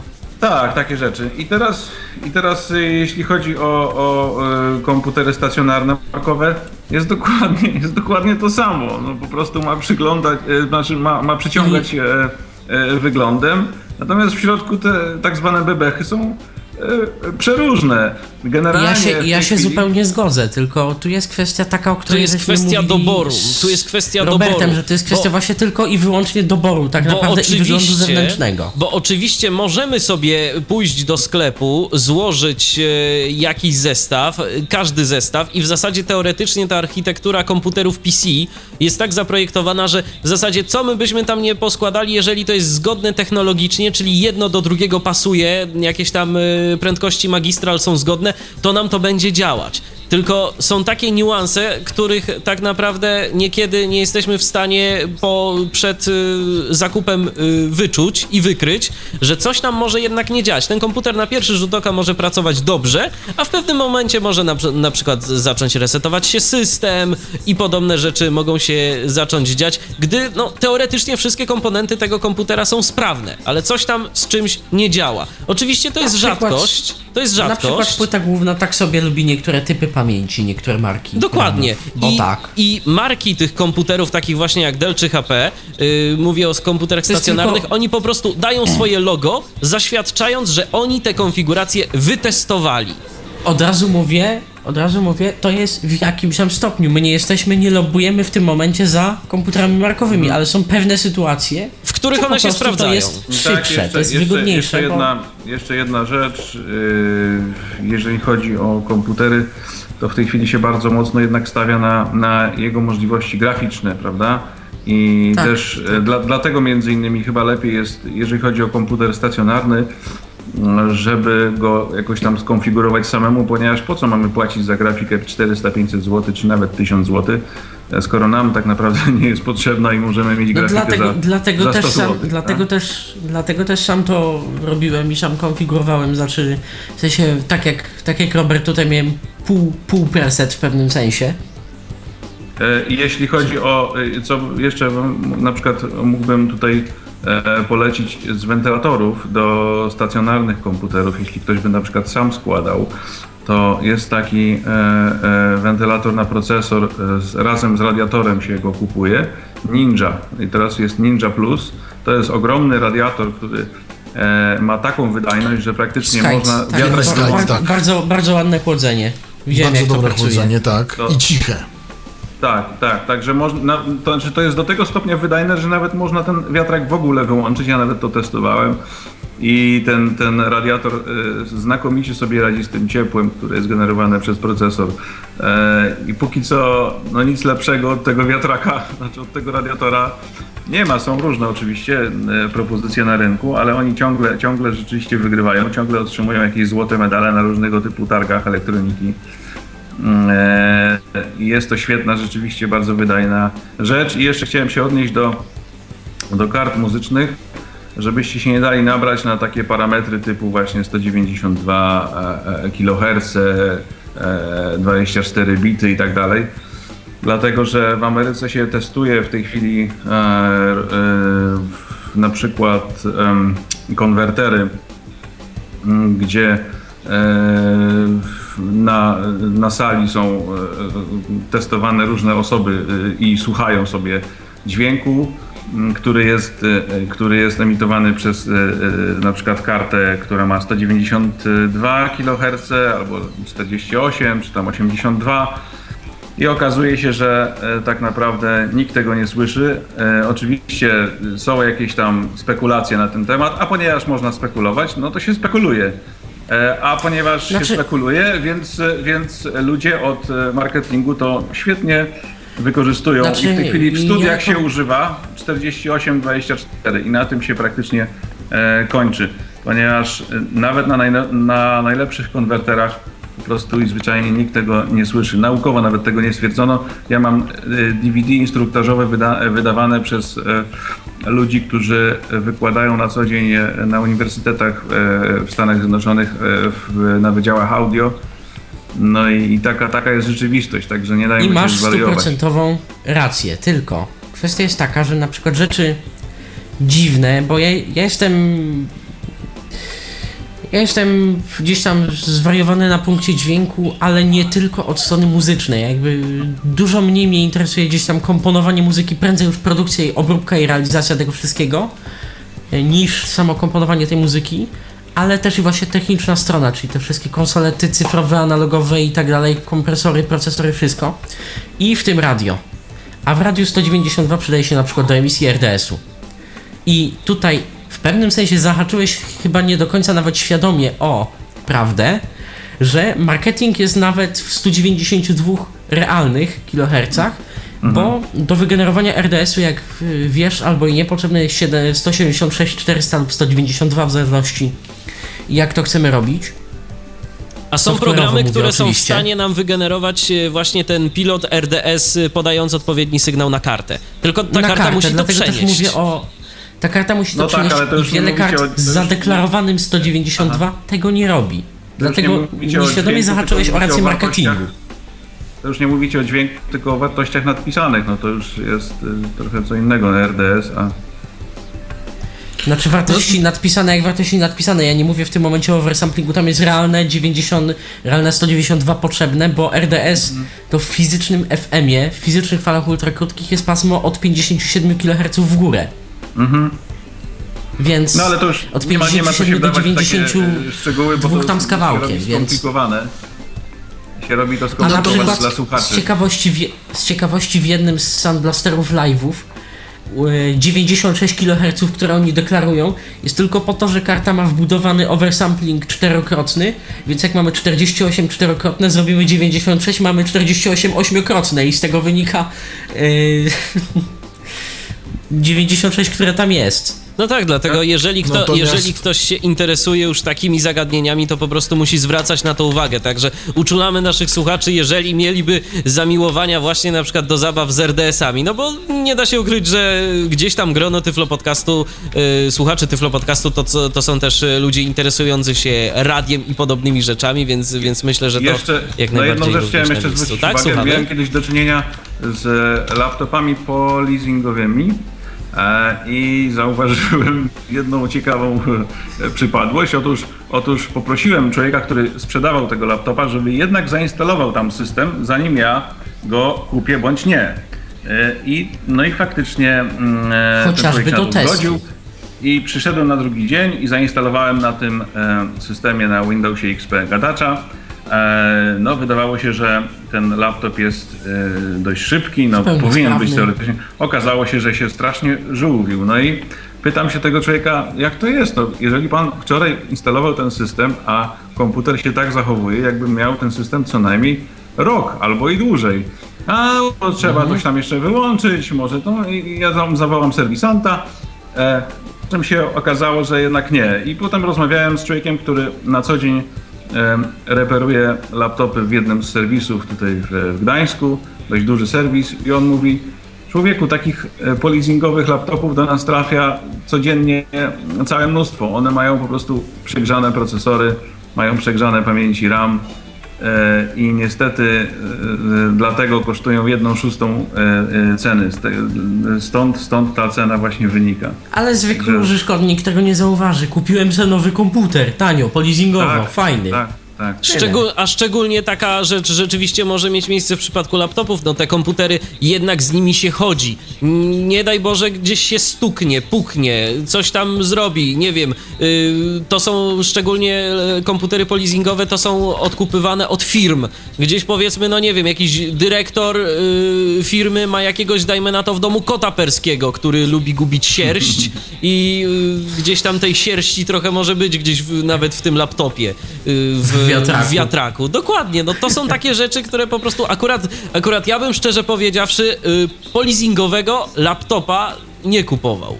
Y, Bo, bo to jest y, no ryzyko. I to spore ryzyko, aczkolwiek jeżeli. Dużo większe niż polizingowy komputer. Komputer stacjonarny, dokładnie. Aczkolwiek, aczkolwiek ostatnio Ale widziałem komputer dosyć stacjonarny ciekawą, też trzeba uważać. E, do, dosyć ciekawą ostatnią ofertę widziałem, e, jeżeli kogoś by to interesowało, ale to bardziej jako taką ciekawostkę. Widziałem polizingowe te tak zwane towbooki. E, Czyli to są e, komputery projektowane specjalnie na przykład dla wojska i dla podobnych instytucji. Mm, Kiedyś one kosztowały mm, jako nowe 20 tysięcy złotych, teraz kosztują 1000. No proszę. W bugi, tak? Dokładnie. Ciekawe w jakiej, ciekawe w jakim Natomiast słuchajcie, a stanie. propos tych, tych Ponoć 100, sprawny. 192 kHz, to ja chciałem powiedzieć tylko jedno. Nie wiem dlaczego tak jest, ale jak się instaluje nowe drivery do systemów, teraz na przykład siód- do siódemki, to zawsze to jest ustawiony format domyślny 192 kHz i coś tam. Dlatego, że on sobie wykrył, że widocznie karta to w teorii obsługuje. Ale I- po co? I teraz, I teraz słuchaj, przykład radio na N, radio, znaczy na Nostalgia, które postawiło sobie na takich 192 y, kodek i teraz ma taki oversampling, że się nie da słuchać. Nie, ja myślę, że to jest Simplecast akurat i aplikacja, z której oni nadają, albo coś takiego, oni z tegoś y, samowskiego nadają. No i teraz, to, i teraz to dopiero weszliśmy w techniczny żargon. Dobrze, Sławku, bardzo serdecznie dziękujemy Ci za telefon. Dziękujemy. Dziękujemy Dzięki. za głos w dyskusji, pozdrawiamy i do usłyszenia. Czekamy oczywiście na kolejne telefony. A jakże? Tyflopodcast.net to jest nasz login na Skype'ie, mm, 223988027 e, wewnętrzny 938 to jest nasz numer telefonu i tak oto minęła nam pierwsza godzina i to pierwsza godzina naszego spotkania minęła jakieś 7 minut temu. Więc ja teraz proponuję, abyśmy zrobili sobie odrobinę muzycznego oddechu i do tematu komputerów stacjonarnych i laptopów, bo one też się gdzieś tam przewijają od czasu do czasu. Wrócimy już za chwilę. Za chwilę. Podcast. To jest cały czas audycja Tyflo Podcastu w Radiu N. Dziś rozmawiamy o komputerach e, stacjonarnych. E, Robert Łabęcki i Patryk Faliszewski dziś wspólnie ze mną tę audycję prowadzą, a w międzyczasie cały czas... Audycja zawiera lokowanie produktu. O, dziękuję bardzo. A w międzyczasie jeszcze y, ostatnie szlify, no ostatnie, przedostatnie powiem tak, przeprowadzamy przedostatnie szlify związane z transmisją Reha for the Blind. konferencji Reha for the Blind in Poland, y, dziesiąta edycja tej konferencji organizowanej przez Jak Fundację coś się Szansa. rozwali, to na nas. No, cicho. Niech się nie rozwala. Niech się nie rozwala. Nie, zapraszamy bardzo serdecznie, zapraszamy y, dziś. Wkrótce pojawią się linki. Tak, wkrótce pojawią się linki, słuchać. może nawet y, dziś lub jutro pojawią się te linki, y, tylko musimy jedną rzecz jeszcze y, zrobić, bo, bo na No, chwilę... musimy jeszcze więcej niż jedno. No ale, ale żeby te linki upublicznić, to musimy jeszcze jedną Dokładnie, rzecz zrobić. Dokładnie, ale to, ale to sobie poza anteną to będziemy robić. Em, Was natomiast na antenie będziemy raczyć naszymi dywagacjami na temat komputerów stacjonarnych. No i oczywiście, jeżeli macie ochotę do nas zadzwonić, to można, można. Antena jest do waszej dyspozycji. Skype po loginie tyflopodcast.net, piszemy tyflopodcast.net, telefon stacjonarny 223988027, wewnętrzny 938. Można dzwonić do 21. Tu jesteśmy i będziemy opowiadać o naszych jakichś tam doświadczeniach e, z komputerami stacjonarnymi. Jeszcze tak a propos mm, markowych komputerów, e, to muszę powiedzieć, jeszcze a propos Deli, że te dele, mm, no to już y, nie są aż takie ciche. One potrafią być głośne, szczególnie na starcie. Nie wiem, czy ty, Patryku, m, mając kontakt z Tak. delami, się z tym zetknąłeś. Tak, to był dość stary i już troszkę użyty Dell. To był rok 2008, Dell był z 2000 chyba 4 czy 5, więc on już był leciwy i to troszeczkę inne było wszystko technologicznie. Tak, no tego Della było słychać. Szczególnie na starcie on tak robił trochę jak stare takie zużyte składane komputery, czyli on dość mocno buczał, po czym się już statkował po kilku minutach. To ja, y, Wiadomo. to, to ja powiem coś innego. Y, Ja spotkałem się z delem, który robił mniej więcej tak. Wciskamy power. No i teraz już mnie bramka chwyta. Aha, w tym sensie. Y, Tak. I już, i już była cisza. Była cisza. Ale to tak jest zawsze, to jest test wentylatorów z BIOSu przeprowadzony. Y, Troszeczkę jak w laptopach. Tak, ale zgadza się, ale właśnie, ale właśnie hapeki nie zauważyłem, żeby to robiły. I stacjonarki takie składane też nie zawsze to robią. Więc, yy, więc Y, Moja nie robi na przykład. no właśnie. No ja też nie. Co nie zawsze jest dobre, bo czasami po kilku sekundach dowiadujemy się, że jest CPU fan error z BIOSu. Pisknięciem. Zgadza się. Ale To ja proponuję.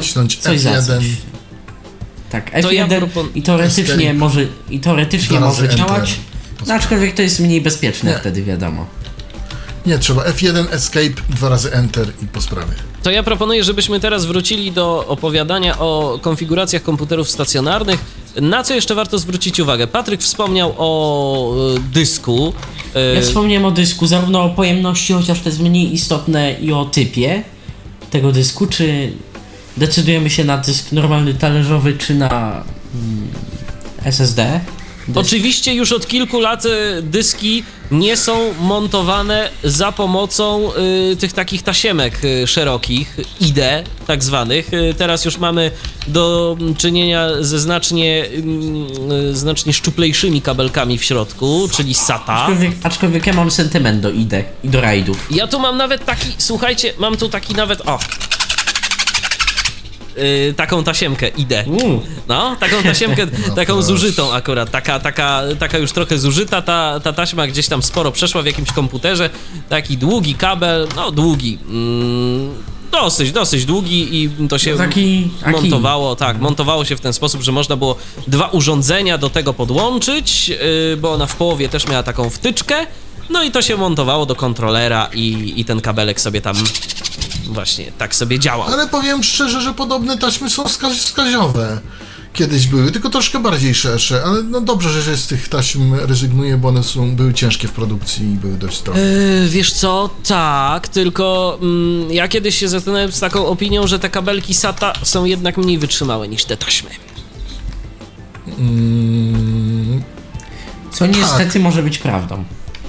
Ale to jest celowo zrobione, tak. Po Ja to, jedyne... żeby, bo słuchajcie, bo, bo, bo, bo ko- gospodarka musi się kręcić. Nie mogą zrobić wszystkiego super wytrzymałego, tylko po prostu kupuje się następne, tak?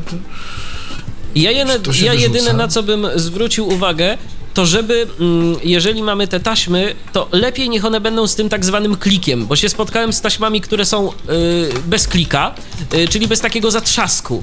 Y, Z który, kablami, z kablami. Y, dokładnie, z kablami Z kablami. z. Tak, z kablami, kablami. No, kable albo tasiemki, bo taśmy to nie są na pewno, ale to są, to są kabelki, kable takie y, szczupłe. Taśmy to były z Kazji. Mm, Tak. To były duże. I, takie. i kable, No, kable SATA po prostu, jeżeli nie mamy tego, jeżeli nie mamy tego y, takiego zatrzasku, to może się nagle okazać, że dysk nam się odczepił, bo tak, bo, bo komputer trochę nam się tam mm, przesunął, y, albo my ten komputer przesunęliśmy i coś nam się odczepiło. A już widziałem kiedyś taką y, konfigurację, słuchajcie. Przychodzi do mnie komputer, uruchamiam go, no i y, oczywiście y, klient twierdził, że y, przed tym, że y, wysłaniem go do mnie, wszystko działało. Nagle, no, że nie ma dysku twardego. System nie widzi dysku twardego. No więc zastanawiam się, co może być. Otwieram, otwieram pudło całe. E, no i co się okazuje? Taśma odczepiona od kontrolera. A właściwie kabelek, ten SATA, odczepiony od kontrolera. No niestety, bywa i tak. Bywa. Cóż. Trzeba było przyczepić Trzeba było przyczepić Zadziałało. i zadziałało oczywiście i później można było już robić to, co robić y, należało. Więc y, to są takie, to są takie rzeczy. Dyski twarde już na, na SATA. A powiedzcie naszym słuchaczom, bo y, ostatnio jest takie modne, że komputer posiada port eSATA. No i co to nam daje? znaczy wychodzi już. Wychodzi już? Aha. U, USB wychodzi 3.0 z, Tak. zdominowało eSATA niestety. Znaczy, no w sumie dobrze może. E, eSATA to jest tak zwana SATA zewnętrzna, czyli, czyli, czyli y, coś dzięki czemu możemy podłączyć Takie coś, co wygląda trochę nie jak... To wygląda trochę jak USB albo jak HDMI. Takie śmieszne wejście dla... w Tak, dokładnie. Ono jest troszeczkę szersze. I, e, no i ono ma taki tam swój, no swój satowy kabel. Znaczy, generalnie to jest tak, jak ja e, kupowałem obudowę, to e, dostałem taki kabelek eSATA w, w prezencie. Natomiast dla, dlaczego to eSATA było? Dlatego, że to był dużo szybszy transfer danych niż USB 2.0. I to była taka troszkę A rewelacja. z USB 3.0. To było takie zastępcze coś. No nie, a teraz się okazało, że USB 3.0 jest szybsze. No jest. Szybsze. I po prostu z eSATA będzie się powoli wychodzić. Dlatego, że y, pierwsze to, to, to złączenie było do końca bezpieczne, to raz. No wiadomo. Po drugie, No i te tak kable były krótkie.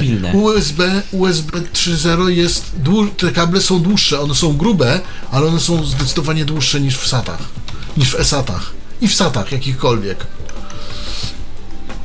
Dlatego się będzie wychodziło z tych eSAT. No generalnie już się wychodzi. No, co prawda mm, ja jeszcze mam tam jedno wejście takie skombinowane z USB 3.0, SATA i USB 3.0 w jednym. No ale, ale generalnie się z tego wychodzi. Natomiast no, kiedyś była to alternatywa, tak? W 2007 roku, jak się miało eSATę, to, był, to było siepanem, prawda? Naprawdę mogło się mieć szybkie transfery. I ten dysk Dokładnie. praktycznie chodził prawie jak, jak SATA 2.0, no, troszkę, troszkę nawet szybciej. To jakie jeszcze Teraz- złącza, jakie porty w nowoczesnych komputerach stacjonarnych możemy spotkać? Co, co tam jest ciekawego? No wiadomo, USB 2.0, USB 3.0 to jest. yy, To już jest standard. Yy, Jak to jest z płytami? Yy, Zazwyczaj to jeszcze nie jest tak, że są wszystkie porty USB 2.0, prawda? Yy, 3.0, Nie, jest przepraszam. część, jest część 3.0, część 2.0. 3.2, tak, tak. A niektóre, czego nie polecam, ale niestety nie będę umiał wymienić wszystkich tych płyt. Ja to widziałem w jednej z płyt, chyba Asusa, ale dość starawej już. Jest USB software'owo kontrolowane, czy ma być 2.0 czy 3.0. Ten kontroler jest jakoś wyżej poziomowy i to wcale tak sobie to działało. Bo na przykład mój Dokładnie. dysk logował się jako 2.0, system mógł z niego coś sczytać, załadował się system, było dum dum na nowo i system widział to jako 3.0 dopiero. No tak, to Tak to rzeczywiście. To rzeczywiście mało, mało ciekawe rozwiązanie. Natomiast to był, to był jakiś przejściowy i to były chyba jedne z tych pierwszych płyt. Na Ivy Bridge'u ja takiego czegoś nie doświadczam. To jest chipset yy, procesorów Intela kolejny, jakby kolejna generacja i, i między innymi to, się- to się wrzuca w płyty, że, że tak się wyrażę. i no to już, to już, to już działa. Więc mamy, ma porty, więc mamy porty USB i co jeszcze y, obecnie w komputerach stacjonarnych? HDMI do obrazu. Tak, HDMI. HDMI to jest w zasadzie dzisiaj standard. Tak. Powoli zauważam, że w zewnętrznych kartach gdzieś tam próbuje się odchodzić od VGA, od klasycznego tego dziurkowanego wejścia podłączone, podobnego DSUB. do RS232, DSUB, tak. DSUB to się nazywa. No i jeszcze jest wejście DVI, które przez jakiś czas y, był, był, było popularne, ale nagle się jakoś skończyło. Chyba też nie zdało jakoś egzaminu, zostało wyparte HDMI na to miejsce. Są wejścia. DOSLink jeszcze. Tak, dokładnie. To są To te są takie te cyfrowe. Toslink, albo tak, Toslink, cyfrowe. Cyfrowe. No i jeszcze mamy Firewire, które, które Tak, tam nie wszędzie, jedno. nie wszędzie, ale mamy. Tak. Które jedno tam, u mnie tam jedno jest. SATA też jest jedno, się zachowało. Bluetooth coraz częściej spotykany w płytach, Tak. w komputerach stacjonarnych. Nie wszędzie, ja na szczęście nie mam. A No ja dlaczego nie na mówię o tym, szczęście? czy szczęście, czy nieszczęście. Dlatego, Właśnie. że jak będę chciał sobie coś dostosować i zmienić ten interfejs, to, to generalnie nie muszę, nie muszę się kombinować z tym. Poza tym to są dodatkowe komy. A no tak, bo, bo, bo, Bluetooth, y, bo Bluetooth ma coś takiego, że on sobie dodatkowe porty szeregowe y, rezerwuje na różne swoje operacje. Ale powiedzcie mi tak, tak naprawdę, skoro jesteśmy przy Bluetoothie, używacie tego często? Bo ja mam wrażenie, że to, że No to jest właśnie- taka no technologia, nie, że dlatego- to jest taka, taka technologia, która jest wszędzie i która wydaje się taką technologią bardzo popularną, ale jak przychodzi co do czego, to jednak paradoksalnie mało osób z tego korzysta. Znaczy inaczej, no ja na przykład, że mam telefon jeszcze symbianowy, to ja sobie często wysyłam jakieś różne y, rzeczy Ja też po, na przykład łączę po, sobie po telefon, Bluetoothie. s- bo nie chce mi się kabla tego podłączać, Natomiast podłączać, sobie, sobie używam to tego. jest... Czasami robię sobie taki numer, że y, tele, telefon sobie puszczam przez głośniki tutaj te od komputera, bo w y, telefonie jest Nokia Internet Radio, więc telefon łączę sobie po Wi-Fi y, i sobie puszczam, ponieważ tam jest tych stacji więcej i łatwiej się je odszukuje, a że telefon To jest gra, dopiero gra, test wydajności dla Nokia 52, którą mam. Tak, tak, tak, tak, To, tak. to baterie je po prostu jak głupie. Ale, Jak iPhone. Ale działa. Podejrzewam. Wi-Fi, Wi-Fi, Bluetooth i jeszcze profil A2DP przy Bluetoothie, czyli ciągła transmisja w jednym, no to, to, to jest to jest pokaz siły tego telefonu, plus internet radio. Odtwarzanie 8 jeszcze godzin muzyki, które... grania. Tak, 8, 8, 9 godzin. Jakby ktoś się radę. A normalnie telefon dwa tygodnie trzyma. Tak Żeby, co najmniej. żeby, żeby Da nie się, było. da się wyciągnąć więcej, ale... Czyli mamy Bluetooth y, w komputerach stacjonarnych, mamy jeszcze co? Czasem się pojawiają chyba bezprzewodowe karty sieciowe, o dziwo, wbudowane. Tak. Cza- czasem Nie się mam, nie mam, więc się nie wypowiem jakie Ja i też czy to fajne, mam natomiast... I wiem, że się od tego odchodzi. e, się od tego odchodzi z kilku powodów. No ja myślę, Bo- że jest jeden najistotniejszy. Aha, no to może ty wymień ten najistotniejszy, a ja tej Chyba, że masz coś innego. 2,4 GHz to jest częstotliwość dość wysoka, więc fizycznie wszystkie podzespoły komputera sieją, robiąc sztuczne zakłócenia. Karta wewnątrz, jeśli nie ma jakiejś antenki zewnętrznej, średnio ma rację bytu, bo jest zakłócana pierdołami z komputera, który i tak próbuje filtrować. Ale w przypadku słabszych sygnałów sieci to średnio ma rację bytu. E, No to powiem tak, e, część masz rację, ale część nie, ponieważ każde z tych kart wbudowanych Wi-Fi mają antenki te zewnętrzne, ale nie o to mi chodzi. Chodzi o to, że Bluetooth jest technologią krótkiego zasięgu. Natomiast o Wi-Fi już tego tak bardzo nie można powiedzieć. Ono w, zasa- w zasadzie powinno być tak do 300 metrów. Powinno być. I ja nie wiem jak jest administracyjnie. Wiem, że możliwe jest nawet do kilometra z kawałkiem, tak? w No właśnie, o tym, o tym mówię. I dlaczego, i dla, dlaczego? Yy, z takiego Wi-Fi yy, nieświadomie włączonego można dostać parę fajnych rzeczy niechcący czasami, albo albo Znaczy, no ale my teraz nie mówimy o tetheringu jako takim, tylko o, o odbiorze Wi-Fi. Nie mówię o hotspocie w tym momencie, o access poincie. To znaczy no i, od, no i odbiorze i o, bo można i o access, po, access pointa z tego zrobić. Jak się ma taki ten wirtualny Wi-Fi, taki, taki. No tak, ale to samo tego- jest w laptopach, więc dlaczego od tego się odchodzi w stacjonarnych? E, prawdopodobnie też z powodów, o których powiedział Patryk. Przede wszystkim, no, nie, no bo Robercie, to, to, o czym mówiłeś, no to tak samo może dotykać e, posiadaczy laptopów. A raczej nie wyobrażam sobie, żeby w laptopach rezygnowano z Wi-Fi. Bo jest to było, nie było dla pewnej grupy użytkowników dobrodziejstwo. Duże. No tak, tak, w laptopach. No i laptop przenośny, prawda, przenośny komputerek, szukamy Wi-Fi, tak?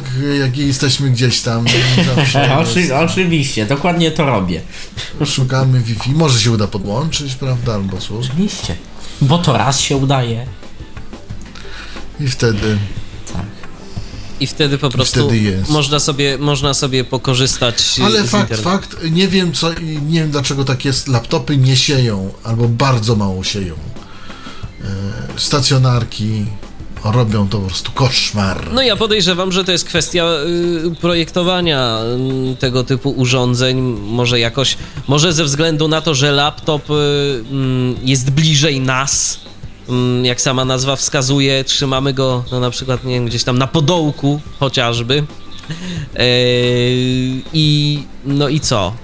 I w tym momencie, kiedy będziemy, kiedy ten laptop by tak siał mocniej, no to na nas to by bardziej oddziaływało. A komputer stacjonarny, no raczej nie trzymamy go na kolanach, prawda? No w każdym razie sprawdziliśmy to ostatnio z Patrykiem, położyłem, normalnie mam sygnał 6 kresek na 3G, położyłem telefon na komputerze stacjonarnym, spadł mi do dwóch, więc, e, że tak powiem, byłem pod wrażeniem. Więc komputer stacjonarny po prostu potrafi siać. No i teraz... Niekoniecznie zboże. Dokładnie. Tak. Tak. E, jakie jeszcze? No oczywiście karta muzyczna, wiadomo, te złącza audio, a to są standardowe. SPDIF-y, jacki, opcjonalnie cincze. Tak. To, Czasami to- SPDIF-y na jackach, czasami na cinczach. Nie pamiętam jak się ten standard na jackach teraz nazywał. On jest taki, taki jest taki, że któryś z jacków może robić za wejście lub wyjście cyfrowe. Jakieś elektryczne, elektroniczne, chyba- elektryczne, coś, coś, no, coś Są elektryczne. optyczne i elektryczne, tak. To, to dokładnie, także, także to to. Jakie jeszcze wejścia można znaleźć? No, nie mówię o tych portach COM, bo Bo tego już w Bo zasadzie komórki nie ma. nie ma. kupić. Tak, to Ja na przykład sobie- dokupowałem opcjonalnie Ja komy na śledziu, bo przewiduje możliwość cały czas korzystania z syntezy sprzętowej względnie eksperymenty typu wysyłanie danych różnego typu do różnych urządzeń po tymże porcie COM. No ja cały czas z takiego portu Bo wbrew pozorom w programowaniu różnych dość starych lub mega specjalistycznych urządzeń to nie robi się tego przez Bluetooth ani USB, tylko, tylko cały czas RS232 jednak jest w użyciu. A jeżeli się robi przez USB, to i tak jest to przejściówka na port szeregowy. Tak, gdzieś tam fizycznie to jest kontroler portu szeregowego ciągle. Bo po prostu tak jest prościej. Najzwyczajniej w Przede świecie. wszystkim, jest, przede wszystkim jest prościej to napisać. Dokładnie. I wysłać coś na port. Taki szeregowy niż. Niż na USB. Tak. Zgadza się. Pisać to. cały ten sterownik, Mhm. klasę urządzenia, potem i tak dalej. Przecież to. Dla, rozumiem, dla rzeczy typu na przykład syntezator sprzętowy, no niby można by było. Czy dla jakichś tam modemów. Okej, ale dla urządzeń typu procesor dynamiki, no. Jako co on ma być widziany w tym menedżerze urządzeń? To, to tak śmiesznie by było. To, to w sumie dla mnie logicznym jest ten RS. Ciągle użyty.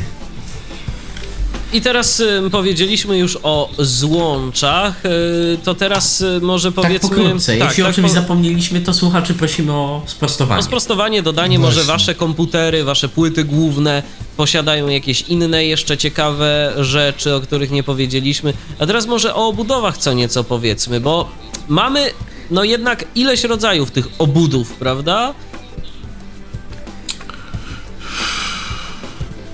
Gadżeciarskie, funkcjonalne i byle jakie. Biurkowe i Biurkowe. byle jakie. Dokładnie. No tak, ale mamy, ale tak naprawdę, ale tak naprawdę komputer stacjonarny może Nie no, chodzi, stać, chodzi, o, chodzi o, o typy. Co są Może te leżeć. może leżeć. Tower, Big Tower, Desktop i tak dalej. O, o Tak, typy tak, tych tak. obudów. Dokładnie. tak? I czym, to, to powiedzmy może pokrótce, czym to się różni i z czym to się je. Xenophone. E, to jest tak. Big Tower to jest największa obudowa dostępna. Generalnie używana w serwerach, albo, albo jak ktoś sobie chce, bo na przykład tak. Duże, szerokie coś. Duże, szerokie coś, niekoniecznie wygodne, żeby tam grzebać w środku. To ja wiem, bo kiedyś sobie zażyczyłem. To potem e, byłem niezadowolony, bo i duże było, i niewygodne do, do różnych moich eksperymentów. Potem mamy, ale e, jak ktoś lubi, to Big Tower jak najbardziej. Są przewiewne i w ogóle takie no, duże. Ktoś lubi, to, to, to, to, dlaczego nie? Potem mamy MIDI Tower, czyli średnią budowę, najczęściej spotykaną w domach w tej chwili. I mamy y, Mini Tower, tak, tak zwane bardzo często spotykane w hipermarketach komputerki malutkie, y, stojące malutkie, ale mniej, mniejsze niż te proponowane przez salony y, salony te, te brandujące Ogólnopolskie. ogólnopolskie. Dlatego Mamy mój, je, potem- dlatego mój jest towerem. Jest y, MIDI Tower akurat. Znaczy no, też mój, też. MIDI, MIDI. MIDI Tak, spokojnie no, wystarcza Taki, dla, dokładnie. Nie ma, nie ma co. użytkownika, nie ma, nie ma co sobie tego. Dość, Natomiast- dość wysoki, ale nie za szeroki taki. Tak, nie za szeroki, taki, taki akuratny, żeby to, pod żeby to pod pachę wziąć. Y, Potem mamy y, obudowy typu desktop, czyli tak, to są, to są leżące. biurkowe stojące takie, znaczy leżące, ale na Leżące. biurku. Takie, Tak. Y, Tutaj często się spotyka te komputery leasingowe z takimi obudowami. bo takie lubią firmy. Takie Tak. komputery są wygodne do firm, zauważyłem. I mm, takie komputery często same z siebie mają głośnik. Tak, ale y, Przynajmniej te jest, starsze. Teraz Ja to się prze- chyba zmieniło, ale ja powiem tak, ja przestrzegam przed kupnem czegoś takiego, ponieważ części, w razie czego nam się coś wykrzaczy, są horrendalnie drogie do tych desktopów, ponieważ to są budowy małe, leżące i tam na przykład karty graficzne i to jest całkiem inne niż do takich zwykłych komputerów. Co za tym idzie, są drogie, jak nie wiem, no niestety. jak się coś zepsuje. Albo jak chcemy sobie rozbudować coś. Także, także już nie mówię o tym, że tam wszystko jest upchane na prawie na maksa i, i rzadko można coś tam wrzucić więcej. Także Oj tak, to się zgadza. To się zgadza. Y, Ja zaglądałem do kilku takich y, desktopów i no i rzeczywiście wygląda tam to zupełnie, y, zupełnie inaczej, ale kiedyś jeszcze były takie, kiedyś pamiętam właśnie jedna z firm polskich brandowała swoją nazwą takie komputery małe, właśnie te, to, by, to były już chyba te mini tower. I to też była zmora, żeby później na przykład, bo swego czasu było, była taka e, akcja wymiany płyt głównych, e, przynajmniej e, mieliśmy do czynienia z tym. Mówię tu akurat o swojej pracy. e, trzeba było wymienić kilka płyt głównych w tych komputerach, no to trzeba było się troszeczkę naszukać. Żeby takie Nabawić płyty, i tak, żeby naszukać. taką płytę wymienić, bo to nie była płyta, bo to nie była płyta standardowych rozmiarów. Nie, nie, to nie, Nie, jest to było malutkie. zupełnie- To, to Dokładnie. jest całkiem co inne, to, to jest w ogóle całkiem inne. Natomiast można na takiej obudowie postawić monitor od komputera Tak. i to tak śmiesznie wygląda. Albo herbatę. Też. Y, no, ale widziałem z monitorem y, w filmach najczęściej. Albo no ja można postawić zrobi- pod biurko i nogi sobie na to oprzeć. Tak, Tak, tak, tak. Też, też jest wygodne. Niekoniecznie dla urządzenia, ale dla nas na pewno. Wiesz co, akurat dla urządzenia to powiem, że nie ma specjalnie... No chyba, że ktoś waży troszeczkę, y, to, to tak, bo, bo No to- to będzie kratki, problem. Tak, bo te kratki wentylacyjne i tak są z tyłu, więc jeżeli ktoś już tak koniecznie by chciał, to sobie może zrobić taki komputerowy podnóżek. Natomiast no... Ogrzewany jeszcze Tak, ciepłym powietrzem z tyłu. Natomiast no średnio jest to rzeczywiście takie, takie ergonomiczne, no ale można, można. Takie, Można, takie sytuacje się. też gdzieś tam powiedzmy miejsce miały. Że sobie ktoś tak komputer stawiał. Także, także to jest chyba. y, No i są jeszcze obudowy byle jakie i gadżeciarskie mm, i funkcjonalne. O, dlaczego ja te, je, je tak dzielę? Obudowy byle jakie to są takie, które się ciężko rozkręca, ciężko się je skręca, ciężko tam cokolwiek w, to włożyć. Żeby coś wymienić, to też trzeba się nieźle napocić. I w ogóle e, one są z reguły tanie kosztują grosze, a sprawiają mnóstwo kłopotu. Grosze w Potem- sensie mm, ceny rzędu... 40 zł za obudowę na przykład. Aha. No, 50 zł. Do 90 zł mniej więcej.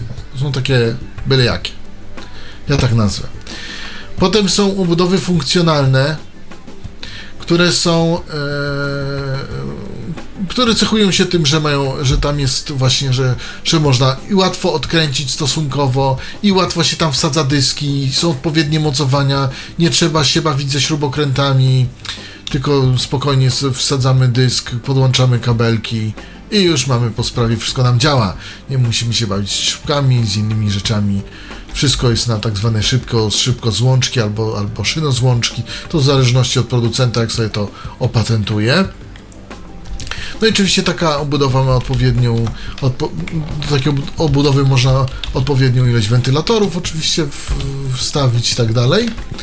Natomiast y, następ, ostatnia grupa to są obudowy gadżeciarskie, które są wyposażone w mnóstwo świecidełek, niekoniecznie są bardzo funkcjonalne. Chociaż generalnie tak, są drogie, chociaż generalnie funkcjonalność ich jest na poziomie powiedzmy medium, ale mają pewne, mają pewne minusy, więc ym, no na przykład takie, że nie ma tak łatwo mocowanych dysków, albo są mocowane przy pomocy odpowiednich takich y, y, nasadek, których jest powiedzmy tylko dwie, czy, czy, I czy cztery. każda, każda następna albo się nie da kupić, albo jest horrendalnie droga. Dokładnie, więc, e, że tak Widziałem powiem. taką obudowę no, kiedyś. No i Dziękuję. oczywiście e, do, taki, do takiej obudowy można włożyć mnóstwo wentylatorów, bo nawet z góry to dwa wentylatory można włożyć, a i z przodu, i z boku, i z drugiej strony, także tych wentylatorów może być, no jak to przeliczyłem, to prawie jest 8 na obudowę, więc dosyć dużo. Nie, to, to u mnie tylko z dziwności jest z przodu wentylator jeden. I tylko tyle. Tak a propos obudów, to widziałem kiedyś i to niejednokrotnie właśnie mm, obudowy z gatunku byle jakich i mm, no wtedy na usta cisnęły się wyrazy różnego rodzaju, bo wyobraźcie sobie sytuację taką. Yy, chcemy wymienić dysk. Kiedyś musiałem wymieniać strasznie dużo dysków twardych. E, no i teraz y, jedna y, część, strona obudowy daje się zdjąć, bo jest na śrubki. A druga, Druga- na klej? Nie, na nity. O, A, misiowo. tak. A, Bardzo ładnie. Tak, po prostu bardzo, bardzo inteligentny sposób montażu. Oczywiście, z drugiej strony ten dysk był również przykręcony. Śrubkami. Dokładnie. No. Dokładnie. I teraz powodzenia w wyjmowaniu takiego dysku. No, trzeba się trochę, trzeba się trochę nagimnastykować. Natomiast y, co do jeszcze takich, y, co do fajnego zdejmowania tych obudów, to bardzo fajnie ma to zrobione, mm, przynajmniej miał i myślę, że nadal ma zrobione to Dell. Y, Dell mm, nawet nie ma śrubek często. Dell ma taką dźwigienkę. Tą dźwigienkę się przesuwa, y, szczególnie jeżeli to jest y, obudowa typu desktop, ale i w towerach też. Przesuwa się tę dźwigienkę, dźwigienkę i, nam i możemy tą górną y, część obudowy wyjąć. Po prostu tą całą blachę wyjmujemy, Aha. a potem chcemy ją y, z powrotem założyć, no to ją dopasowujemy, tam wciskamy, y, używamy trochę siły, prawda, nie wiem czy było słychać i Było, było. no, i działa. I jest ok. Tak samo mam w jednym ze swoich y, komputerów HP. Y, właśnie tych, y, z których korzystam. Y, jedna część jest na taki zatrzask. Po prostu jest taka wajcha. Tą wajchę jakby odginamy od siebie. Taki kawałek plastiku. No i nam ta obudowa z jednej strony elegancko wychodzi, po prostu tą boczną ściankę wysuwamy. Potem, kiedy skończymy już tam grzebać w środku, to ją wsuwamy. Również używamy trochę siły i jest ok. No, także, także e, bardzo funkcjonalne, a jak e, z montażem dysków w tych delach i tych takich rzeczy? Mm, Akurat tam na szczęście za bardzo nie musiałem ingerować, ale nie było, nie było większego problemu, jak dobrze pamiętam. Nie było Ale to na śrubki, czy jest na jakieś też takie szyno, szyno, mm, na śrubki. szyno różne Na śrubki. Aha, jak dobrze pamiętam, to aha, było na czyli- śrubki. Aha. czy, czy jeszcze coś innego. No bo udające konwencjonalne. Są, niektóre są e, chifteki na takie szynoprowadnice. Całkiem fajna sprawa. Podoba mi się to w każdym razie. Także A teraz, y, skoro tak sobie rozmawiamy o obudowach y, i o komputerach w ogóle stacjonarnych, mm, to ja proponuję teraz przejść do kolejnego tematu, mm, również związanego z komputerami stacjonarnymi, czyli właśnie te komputery polizingowe. No to jest też, myślę, że dosyć ciekawe Tu w programie zagadnienie. miałeś opowiedzieć o Delu jednym. Y, tak, tak, a proszę bardzo. Polizingowy. O dwóch. kolizingowym. O dwóch delach. Słuchajcie, drodzy Państwo. Generalnie z komputerami polizingowymi to, to najpierw w ogóle może powiedzmy, co to znaczy, że komputer jest polizingowy.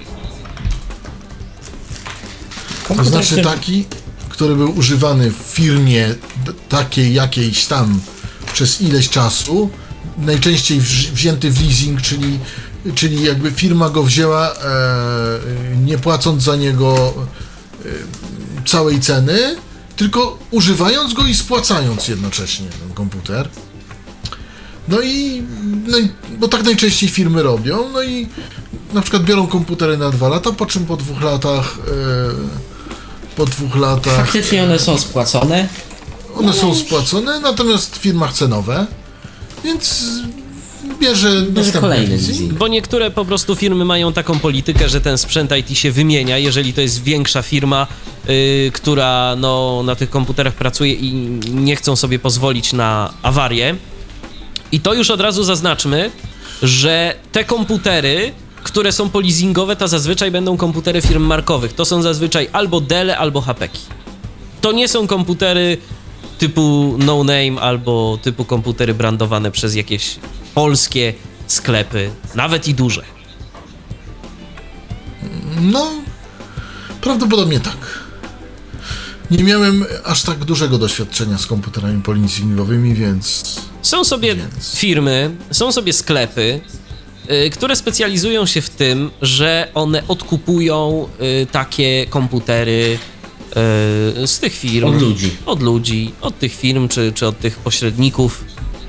Mają tego dużo i sprzedają to. Klientami takich firm, takich sklepów są przeważnie niewielkie firmy, jakieś malutkie Albo sklepy, użytkownicy domowi. szkoły, Czasami. szkoły też mają na przykład jakąś tam chyba zerową stawkę VAT dla szkół na przykład, albo jakąś niską. Nie pamiętam teraz dokładnie jak to jest, ale w każdym razie tak, y, tak, y, tak to wygląda. Y, No i jedna rzecz dla wszystkich, którzy są jeszcze przywiązani do Windowsa XP. Na tych komputerach, on często jest. dokładnie, w tych komputerach bardzo często jest Windows XP legalny. Legalny, oryginalny Windows XP Home albo Pro. Więc jeżeli ktoś się jeszcze nie może e, przyzwyczaić na przykład do Windowsa 7, a e, powiedzmy chciałby mieć jeszcze komputer na jakiś czas za niewielkie pieniądze, to może się pokusić o, e, o kupno takiego komputera polizingowego. To jest koszt rzędu e, od e, 500 do 1000 złotych. Często można upolować nawet takie okazje, że kupujemy sobie zestaw komputerowy za właśnie te tam 700-800 zł. O, widzę, że do nas ktoś pisze, więc ja sobie, więc ja sobie tu zerknę. Cze- Jacek do nas pisze. Cześć, a powiedzcie swoje zdanie na, na, temat dysków SSD. No to Patryku, bo ty Ja używasz. już to w pewnym sensie mówiłem na samym początku, ale powtórzę i. Co mogę powiedzieć? Gdyby nie cena, byłoby ok. Dysk SSD mm, to faktycznie jest szybkość i usprawnienie w działaniu. No mówię, ja mam transfery z marszu 250-270. Udało mi się wyciągnąć 380-400 megabitów znaczy megabajtów, przepraszam, na sekundę spokojnie. Megabitów to zaniżyłbym, to by była taka lepsza SATA.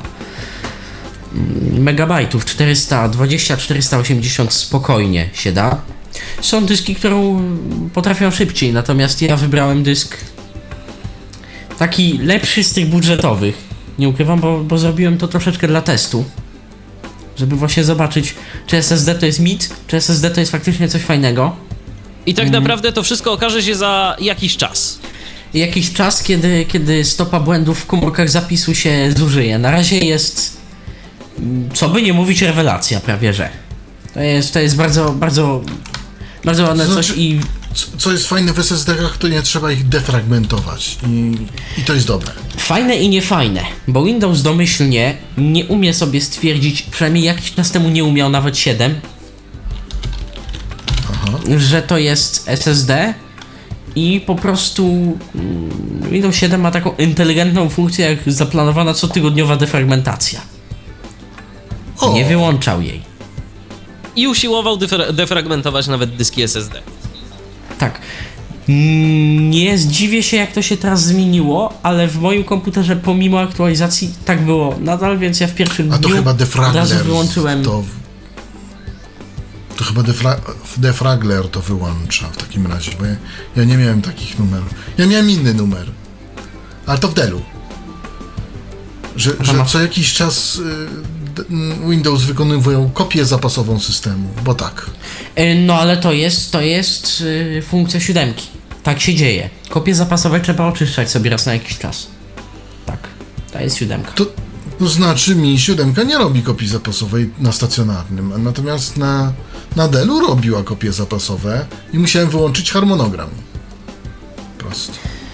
Znaczy inaczej, ona nie pokazuje, że ją robi, ale robi kopię, w, tak zwaną kopię w tle. To jest mm, źródło do przywracania systemu potem. Źródło dla plików do przywracania systemu z C lub z określonych lokalizacji.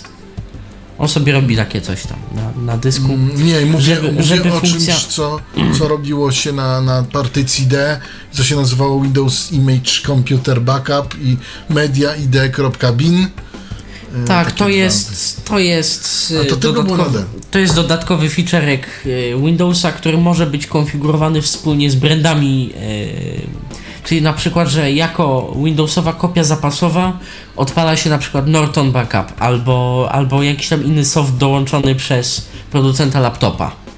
Tak, tak być może i z takim czymś się spotkałem. Natomiast jeśli tego nie ma, to nie ma widocznej kopii, a jest ona robiona tylko na życzenie, jeśli chcemy, możemy sobie utworzyć plik VHD wirtualnego dysku po prostu z obrazem systemu obecnym.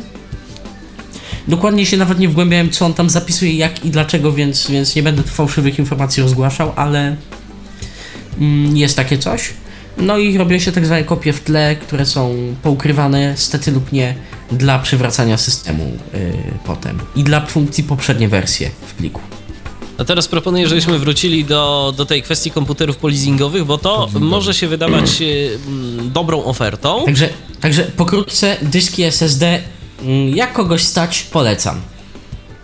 Zobaczymy jak będzie za rok. Za jakiś czas. Myślę, że się właśnie za jakiś czas Dokładnie. spotkamy i się Patryk podzieli ze słuchaczami Tyflo Podcastu swoją opinią na temat tego dysku, Ja bo, by- bo to ja musi bym trochę kupił, pochodzić. Gdybym, gdyby mnie Tak, było to, to, to się musi zniszczyć. Wtedy Dokładnie. będzie wiadomo. Jak się zniszczy, to zobaczymy, jak bardzo się zniszczyło. A wracając do komputerów polizingowych, no to mm, wydawać by się mogło dobrą ofertą i dla części osób z pewnością będzie. Ja się zdecydowałem ostatnio na komputer polizingowy, yy, bo nie chciałem inwestować w maszynę mm, nową, bo stwierdziłem, że do takich rzeczy, którymi ja się zajmuję, no ja jakimś yy, specjalistą od edycji audio nie jestem, natomiast yy, chciałem mieć coś, co będzie sobie oddzielnym, wydzielonym stanowiskiem na rzeczy związane z dźwiękiem, czyli na jakąś edycję materiałów, nagrywanie materiałów, prowadzenie audycji, taka jak chociażby ta, ta, ta audycja jest właśnie prowadzona z, z komputera polizingowego, w większości, bo jedna karta tylko jest podpięta do komputera drugiego, tego, tego mojego, który już ma sobie kilka lat, ale prawdopodobnie te komputery są mniej więcej równe wiekiem. No i teraz tak, zdecydowałem się na taki komputer polizingowy, e, na co y, trzeba, y, czego trzeba mieć świadomość. Trzeba mieć świadomość tego, że ten komputer mm, rzeczywiście jest tańszy. I to sporo tańszy, bo kupimy go za, tak jak już mówiłem, około 1000 zł, yy, około 800, nawet czasem coś za 500 kupimy. Pierwsza rzecz to taka, że mm, komputery, mm, które są w ofercie y, tych sklepów wszystkich, Może się okazać, że one są w ofertach, a y, tak na dobrą sprawę mm, y, jednak w końcu kupimy co innego, bo ja chciałem kupić sobie komputer y, z czterordzeniowym procesorem, w końcu się okazało, że kupiłem z dwurdzeniowym procesorem, bo tak, bo ponoć wyszły te mm, komputery już, tak powiedział mi specjalista od tych komputerów na sklepie, a wcześniej y, pani z księgowości powiedziała, y, do której się tam dodzwoniłem, wcześniej y, tak przez nieuwagę chyba powiedziała mi coś takiego, cytuję, wie pan, ja tu mam taką karteczkę, napisałem, że tam coś z procesorem było nie tak. No także, także pani się wygadała. Pani się wygadała a propos tego. No ale okej. Yy, W każdym razie komputer kupujemy, instalujemy sobie system, bo dostajemy oczywiście płytkę z systemem. Zazwyczaj jest to Windows XP.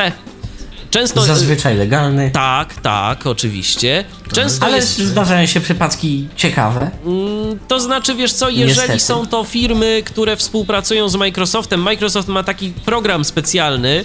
Lojalnościowy, y, tak. I dla- wtedy jest taniej. i, I wtedy jest taniej i oni tam generują te klucze dla, dla Windowsów y, starszych, dla, dla Windowsów XP y, w szczególności, więc to nie jest, więc to nie jest tak. Te, te klucze, jeżeli to jest jakiś autoryzowany partner, to, to, to, to, to jest ok. Natomiast y, mm, często jest tak, że mm, to jest y, w szczególności z komputerami HP. Y, Dostajemy Windowsa Vista, mamy możliwość zainstalowania Windowsa XP. Dostajemy dwie płytki, tak naprawdę. Albo Windows Vista Business bodajże, albo Windows XP Pro. XP. Dokładnie. Pro zazwyczaj to jest wtedy. No i okej, przychodzi do nas ten komputer. Yy, ja się akurat zde- zdecydowałem na stację graficzną, słuchajcie. Tak sobie, no bo, bo stacje graficzne mają to do siebie. i Jeżeli ktoś już by chciał kupować taki polizingowy komputer, to mówię od razu, warto, bo yy, w sumie wiele nie dołożymy więcej, a te stacje graficzne mają, oprócz tego, że faktycznie tam mają kartę graficzną, która no nam taka aż mocna nie jest potrzebna, ale one mają dobre procesory. One mają dobre procesory, dobrą, No to siłą rzeczy rendering, wideo, Tak. modelowanie i tak dalej zajmuje tego dobrą pamięć głupie, RAMu. w dzisiejszych czasach. Dostaniemy tam 4 giga spokojnie. Takie stacje robocze mają zazwyczaj 2 giga. 2 giga RAMu. Y, Bo do swojego HPK tego pierwszego dokładałem ostatnio jeszcze RAM dodatkowo. Bo 2 giga to jednak było za mało. No i teraz tak, yy, przychodzi komputer, podłączamy go, instalujemy system. Wydawałoby się, że wszystko jest ok, ale mm, u mnie dwie rzeczy były zaskakujące z tym komputerem. Pierwsza to taka, że włączał się, wyobraźcie sobie Państwo, o godzinie 4.50 yy, w nocy, właściwie z na, nad ranem, sam z siebie. Tak, sam z siebie. Yy, po prostu się włączał codziennie. Ja go wyłączam, on się włącza. O 4.50. Okazało się, że po prostu po poprzednim użytkowniku, jakimś bardzo rannym ptaszku, yy, zostały te ustawienia w BIOSie. Bo BIOS komputera y, miał taką funkcję, że mógł budzić y, system o tej i o tej godzinie. No okej, to udało się tego pozbyć. Ale już innej rzeczy pozbyć się nie dało i niestety okazało się, że jeden port USB coś nie domaga w tym komputerze. Kiedy korzystam z karty USB wpiętej do tego portu i yy, próbuję puścić z niej sygnał na drugą kartę, zaczynają się dziać dziwne rzeczy. Mianowicie ten dźwięk się po prostu rwie. Przełączając kartę do innego portu USB, problemu nie ma. Tak, bardzo, bardzo fajna rzecz. I to jest też między innymi o kartach USB nawiązanie, że czasami nie karta może być podziewna, a port może nie A port. Podłączyłem Albo do tego. nie unieść, podłączyłem albo nie do tego takiej portu, karty Podłączyłem konkretnej. do tego portu dysk. Y, działa ok, natomiast podejrzewam, że tam mogą być wolniejsze Ale dysk transfery. nie wymaga, Dokładnie. nie wymaga aż tak, aż tak, Kontroli po prostu. tak, aż takiej kontroli, tak dokładnej. Ale Także- akurat w przypadku mojej Xigo we, we wszystkich portach działa źle, więc tak No to, to już po prostu. Nadszedł jej kres. Dokładnie. To już, jest, to już jest różnie. Także y, co do komputerów polizingowych, o, jeszcze miałem opowiedzieć, jakie dwa komputery polizingowe Dele, ostatnio no widziałem. właśnie. Dele, tak. Słuchajcie, przychodzą do mnie te dele, mm, wyjmuję je z pudełek, no i tak się, mm, tak się coś im tam grzechocze w środku. Okazało się, że po prostu stacje dysków, y, stacje dyskietek tam sobie tak latały. Palcem można było popchnąć i wepchnąć, i wepchnąć do środka obudowy. Zarówno w jednym, jak i w drugim delu. Także, no, ciekawe, ciekawe. Ja właśnie ostatnio dzwonię później do, do tego człowieka, który mi podesłał te komputery. Notabene bardzo ciekawie je zabezpieczył przeciwwstrząsowo, po prostu yy, no idealnie jak dla mnie yy, wrzu- powrzucał tam ścinek yy, z niszczarki. I jak ja wypakowałem te komputery, to musiałem od razu biec po odkurzacz, bo to były tak No drobne, tak drobne ścineczki. Rozsypało mi się to na podłogę, więc trzeba było to odkurzaczem potraktować. E, natomiast no ten... Ja bym rzucił potem te ścinki po zapakowaniu na samą górę. E, tak, I zro- tylko na górę. tak zrobiłem, ale to tak między nami. Mm, to znaczy sporo tam tych ścinków poszło na górę. I nie, ja nie jestem złośliwy, ale no y, po prostu, po prostu tak to, tak to wyszło z tymi komputerami. Także uważajcie, drodzy Państwo, na te polizingowe. Jeżeli no, nie nastawiacie się na coś, co będzie Wam e, chodziło długie lata, pracowało długie lata, to można. Jeżeli natomiast no, nastawiacie się na super wydajną maszynę, to jednak lepiej kupić coś nowego, bo wiecie, że to Wam jednak trochę czasu popracuje. Natomiast te polizingowe nie są z drugiej strony aż takie złe. Ten komputer, który ja mam, działa. Tamte komputery, które zrobiłem, no mimo tego, że te stacje dyskietek im się tak chwiały bardzo mocno, to też działały. I to, no, na razie nie mam sygnałów, że coś z nim Żeby było nie, nie tak. działało. Dokładnie, więc, więc jest okej. No, na pewno czego ja bym nie radził, jeżeli ktoś y, już by chciał kupować polizingowe, to na pewno nie radziłbym kupować polizingowych no-name'ów. Czyli mm, takich komputerów Oj, no, może- może być fajnie. Bo to jest proszenie Oj, się o może- kłopoty. Nawet przez polskie salony. Dokładnie.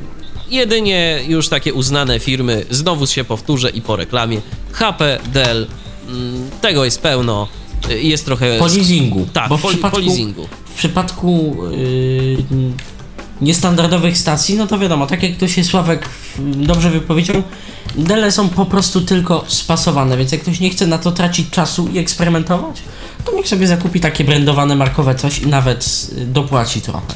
Natomiast jeśli chce, wie, że ta a ta część mu będzie mega potrzebna, a jest ona gdzieś wewnątrz i chce ją mieć od razu, no to może się wybrać do jednej z ogólnopolskich lub lokalnych firm składających komputery. Ryzykuje trochę, to fakt, natomiast może mieć maszynę albo całkiem taką, że po, po roku to działać nie będzie, albo taką, która też faktycznie działa i działa wydajnie. No niestety.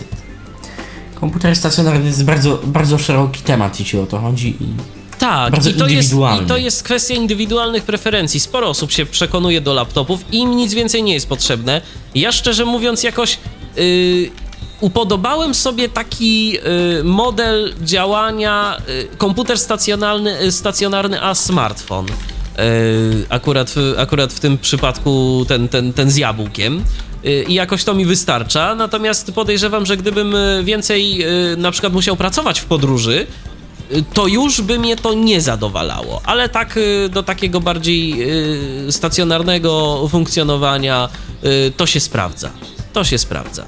Taki, taki model, że gdzieś tam mamy jeszcze jakieś takie urządzenie niewielkie, gdzie, które możemy sobie y, zabrać do kuchni albo w inne miejsce i coś tam sobie, dajmy na to, nie wiem, pocztę sprawdzić, y, jakąś stronę poczytać. y, A kiedy jest praca, no to siadamy sobie przy biurku.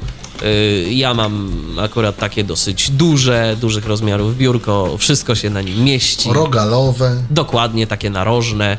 Y, Jedna część. kształcie rogala. y, Wiesz co, to jest bardziej w kształcie litery L. Aha. W kształcie litery L.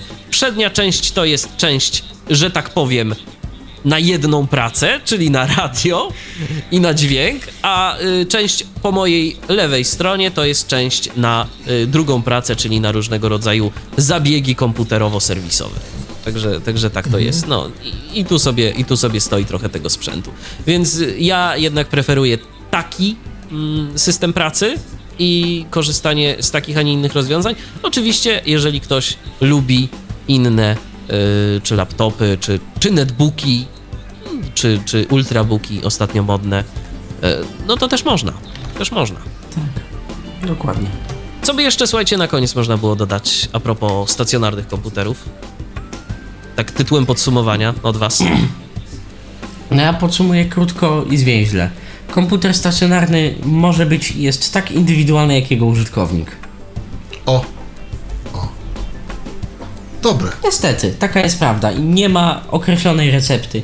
To mogą być wskazówki, to mogą być niewielkie, określone reguły, no bo na przykład słaby procesor w jakimkolwiek komputerze zawsze będzie słaby, okej. Natomiast co my wybierzemy, to jest nasza sprawa w, tym, w tej kwestii. I czego my potrzebujemy, my musimy w pewnym sensie wiedzieć, czego my chcemy od tego komputera i na tej podstawie albo z pomocą innych, albo na bazie własnej wiedzy po prostu taki komputer sobie sprezentować w jakiś tam sposób. Natomiast nieprawdą pomocą- jest to, natomiast nieprawdą jest to, że komputery stacjonarne są głośne. Kiedyś takie argumenty były, padały, one były, one były jeszcze jakiś czas temu Znaczy- y, aktualne, Jak natomiast... się, jak się wsadzi wentylator pokojowy do komputera, to on będzie głośny. No tak, Dokładnie, tylko, no. tylko, tylko można sobie dobrać taki, który będzie cichy, bo jakieś właśnie słyszałem No. takie, takie argumenty, że ja komputer stacjonarny to głośny, a laptop to cichy. No, nieprawda. Nieprawda. E, Powiem, ale nie, jedna rzecz. E, Te e, wentylatory, które kupu- kupujemy, bo w tej chwili wiesz, że są tylko procesory w wersjach box z wentylatorami, już nie ma tych takich no name, tylko sam procesor. To są głośne te wiatraki i te radiatory, które kupujemy, czy z Intelem, czy, czy, czy to, to, to, to, to dlatego, słychać. go nawet, dlatego go nawet nie zakładałem w sumie. No ja też mam co innego Skyta, ale, ale No nie, ja mam coś, czego ty nie lubisz, ale mi się sprawdza i przeżył tu niezłe gorąco już i niezły benchmarking i wzrósł o dwa stopnie, więc jest dobrze. nie no, ja nie mówię, że to jest złe chłodzenie, tylko że Tylko ja to jest mówię, głośne chłodzenie. To jest nie głośne chłodzenie i, i a się mówi, że takie dobre, no, no ja nie wiem w czym. Ono ale jest dobra. dobre, według mnie ono jest dobre, ale pod dwoma względami nie jest dobre. Głośności i mocowania. Jak rozumiem, nikt z was nie próbował chłodzenia wodnego. Nie, jeszcze nie chciałem ryzykować. Powiem tak, y, wychodzi się już z tego. No właśnie, jakoś Było też tak zauważyłem, o, że, że cicho o tym y, się zrobiło. Jednak, no nie zdało rezultatu, to znaczy za dużo było awarii, y, ta ciecz wyciekała, chyba za dużo było nieszczelności jednak. Dokładnie. Dlatego to nie zdało rezultatu. Może jeszcze kiedyś do tego się wróci, ale to w, jakiś inny, w jakiejś innej E, formie. Musi być jakaś inna technologia, bo ja nawet ostatnio sklepy przeglądałem, e, te takie aukcyjne i, i tam, no ktoś sprzedawał jakiś używany taki, czy coś, jakiś Aquarius, ale generalnie nie ma takich, żeby nowe. Natomiast no, teraz coraz częściej mówi się o chłodzeniu pasywnym. No tak, no to Sławek mówił tu o, o Ninja Plus. Jest Dokładnie. Taki, no to ma wiatrak, ale to Przede wszystkim radiator. Może, tak, przede wszystkim radiator i, i mówił, że to dobrze działa. No, ja używałem Ninja zwykłej, nie narzekam. Yy, wiatraki Skyta są naprawdę ciche. Jedyne co można im zarzucić to to, że, że, że nie są za, za bardzo wytrzymałe. To znaczy, no taki wiatraczek 3 lata i zaczyna trochę nam chrzęścić, jak jest używany, ale generalnie generalnie są cichutkie, to, to trzeba przyznać. Yy, No i, i tyle, no. Natomiast jak on powiedział, że można używać bez wiatraka, prawda? Bez wiatraka takiego, takiego, takiej No to to już jest coś. To już jest coś. A oczywiście, czy komputer stacjonarny, czy laptop, czy jakieś inne urządzenie, jak zawsze wybór należy do Was. Obyście wybierali dobrze i mądrze, bo no to jednak kosztuje, a szkoda topić pieniądze w czymś, yy, czego się po prostu później nie będzie używać albo będzie się używać z niechęcią. Chodzi o to, żeby ten sprzęt nam służył i żeby był nam pomocny. I to tyle, jeżeli chodzi o dzisiejsze spotkanie w Tyflo, w Tyflo Podcaście na antenie Radia N. Yy, przypominamy, że. Audycja zawierała lokowanie produktu. O, dziękuję. Yy, przypominamy, że już yy, w czwartek i piątek będziemy dla Was specjalnie transmitować konferencję Reha for the Blind in Poland. To będzie konferencja już dziesiąta z tego cyklu, dziesiąta edycja. Organizowana przez Szansę, Fundację Szansa dla Niewidomych, żeby nie było. Dokładnie, tak. Yy, W Złotych Tarasach się spotkamy, konkretnie w Multikinie. Będzie szereg różnego Wszystkich, rodzaju którzy mogą, prelekcji. zapraszamy. Tak, wszystkich, którzy mogą, zapraszamy. A ci, którzy nie mogą, to będą mogli sobie włączyć e, stream internetowy, przekaz na żywo. Y, Później z naszej strony z www.tyflopodcast.net będzie można także pobrać y, szereg materiałów y, właśnie z tej konferencji. No i jeszcze na pewno audycje na jej temat również się na naszej antenie będą pojawiać. A póki co dziękuję bardzo moim dzisiejszym gościom. Przypomnę, że mm, współprowadzili ze mną te audycje e, Robert Łabęcki i Patryk Waliszewski. Dziękuję wam bardzo. Dziękujemy. Kłaniamy się. Kolejne spotkanie z Tyflo Podcastem na antenie Radia N już za tydzień po godzinie 19. Michał Dziwisz, kłaniam się. Do usłyszenia. Był to Tyflo Podcast.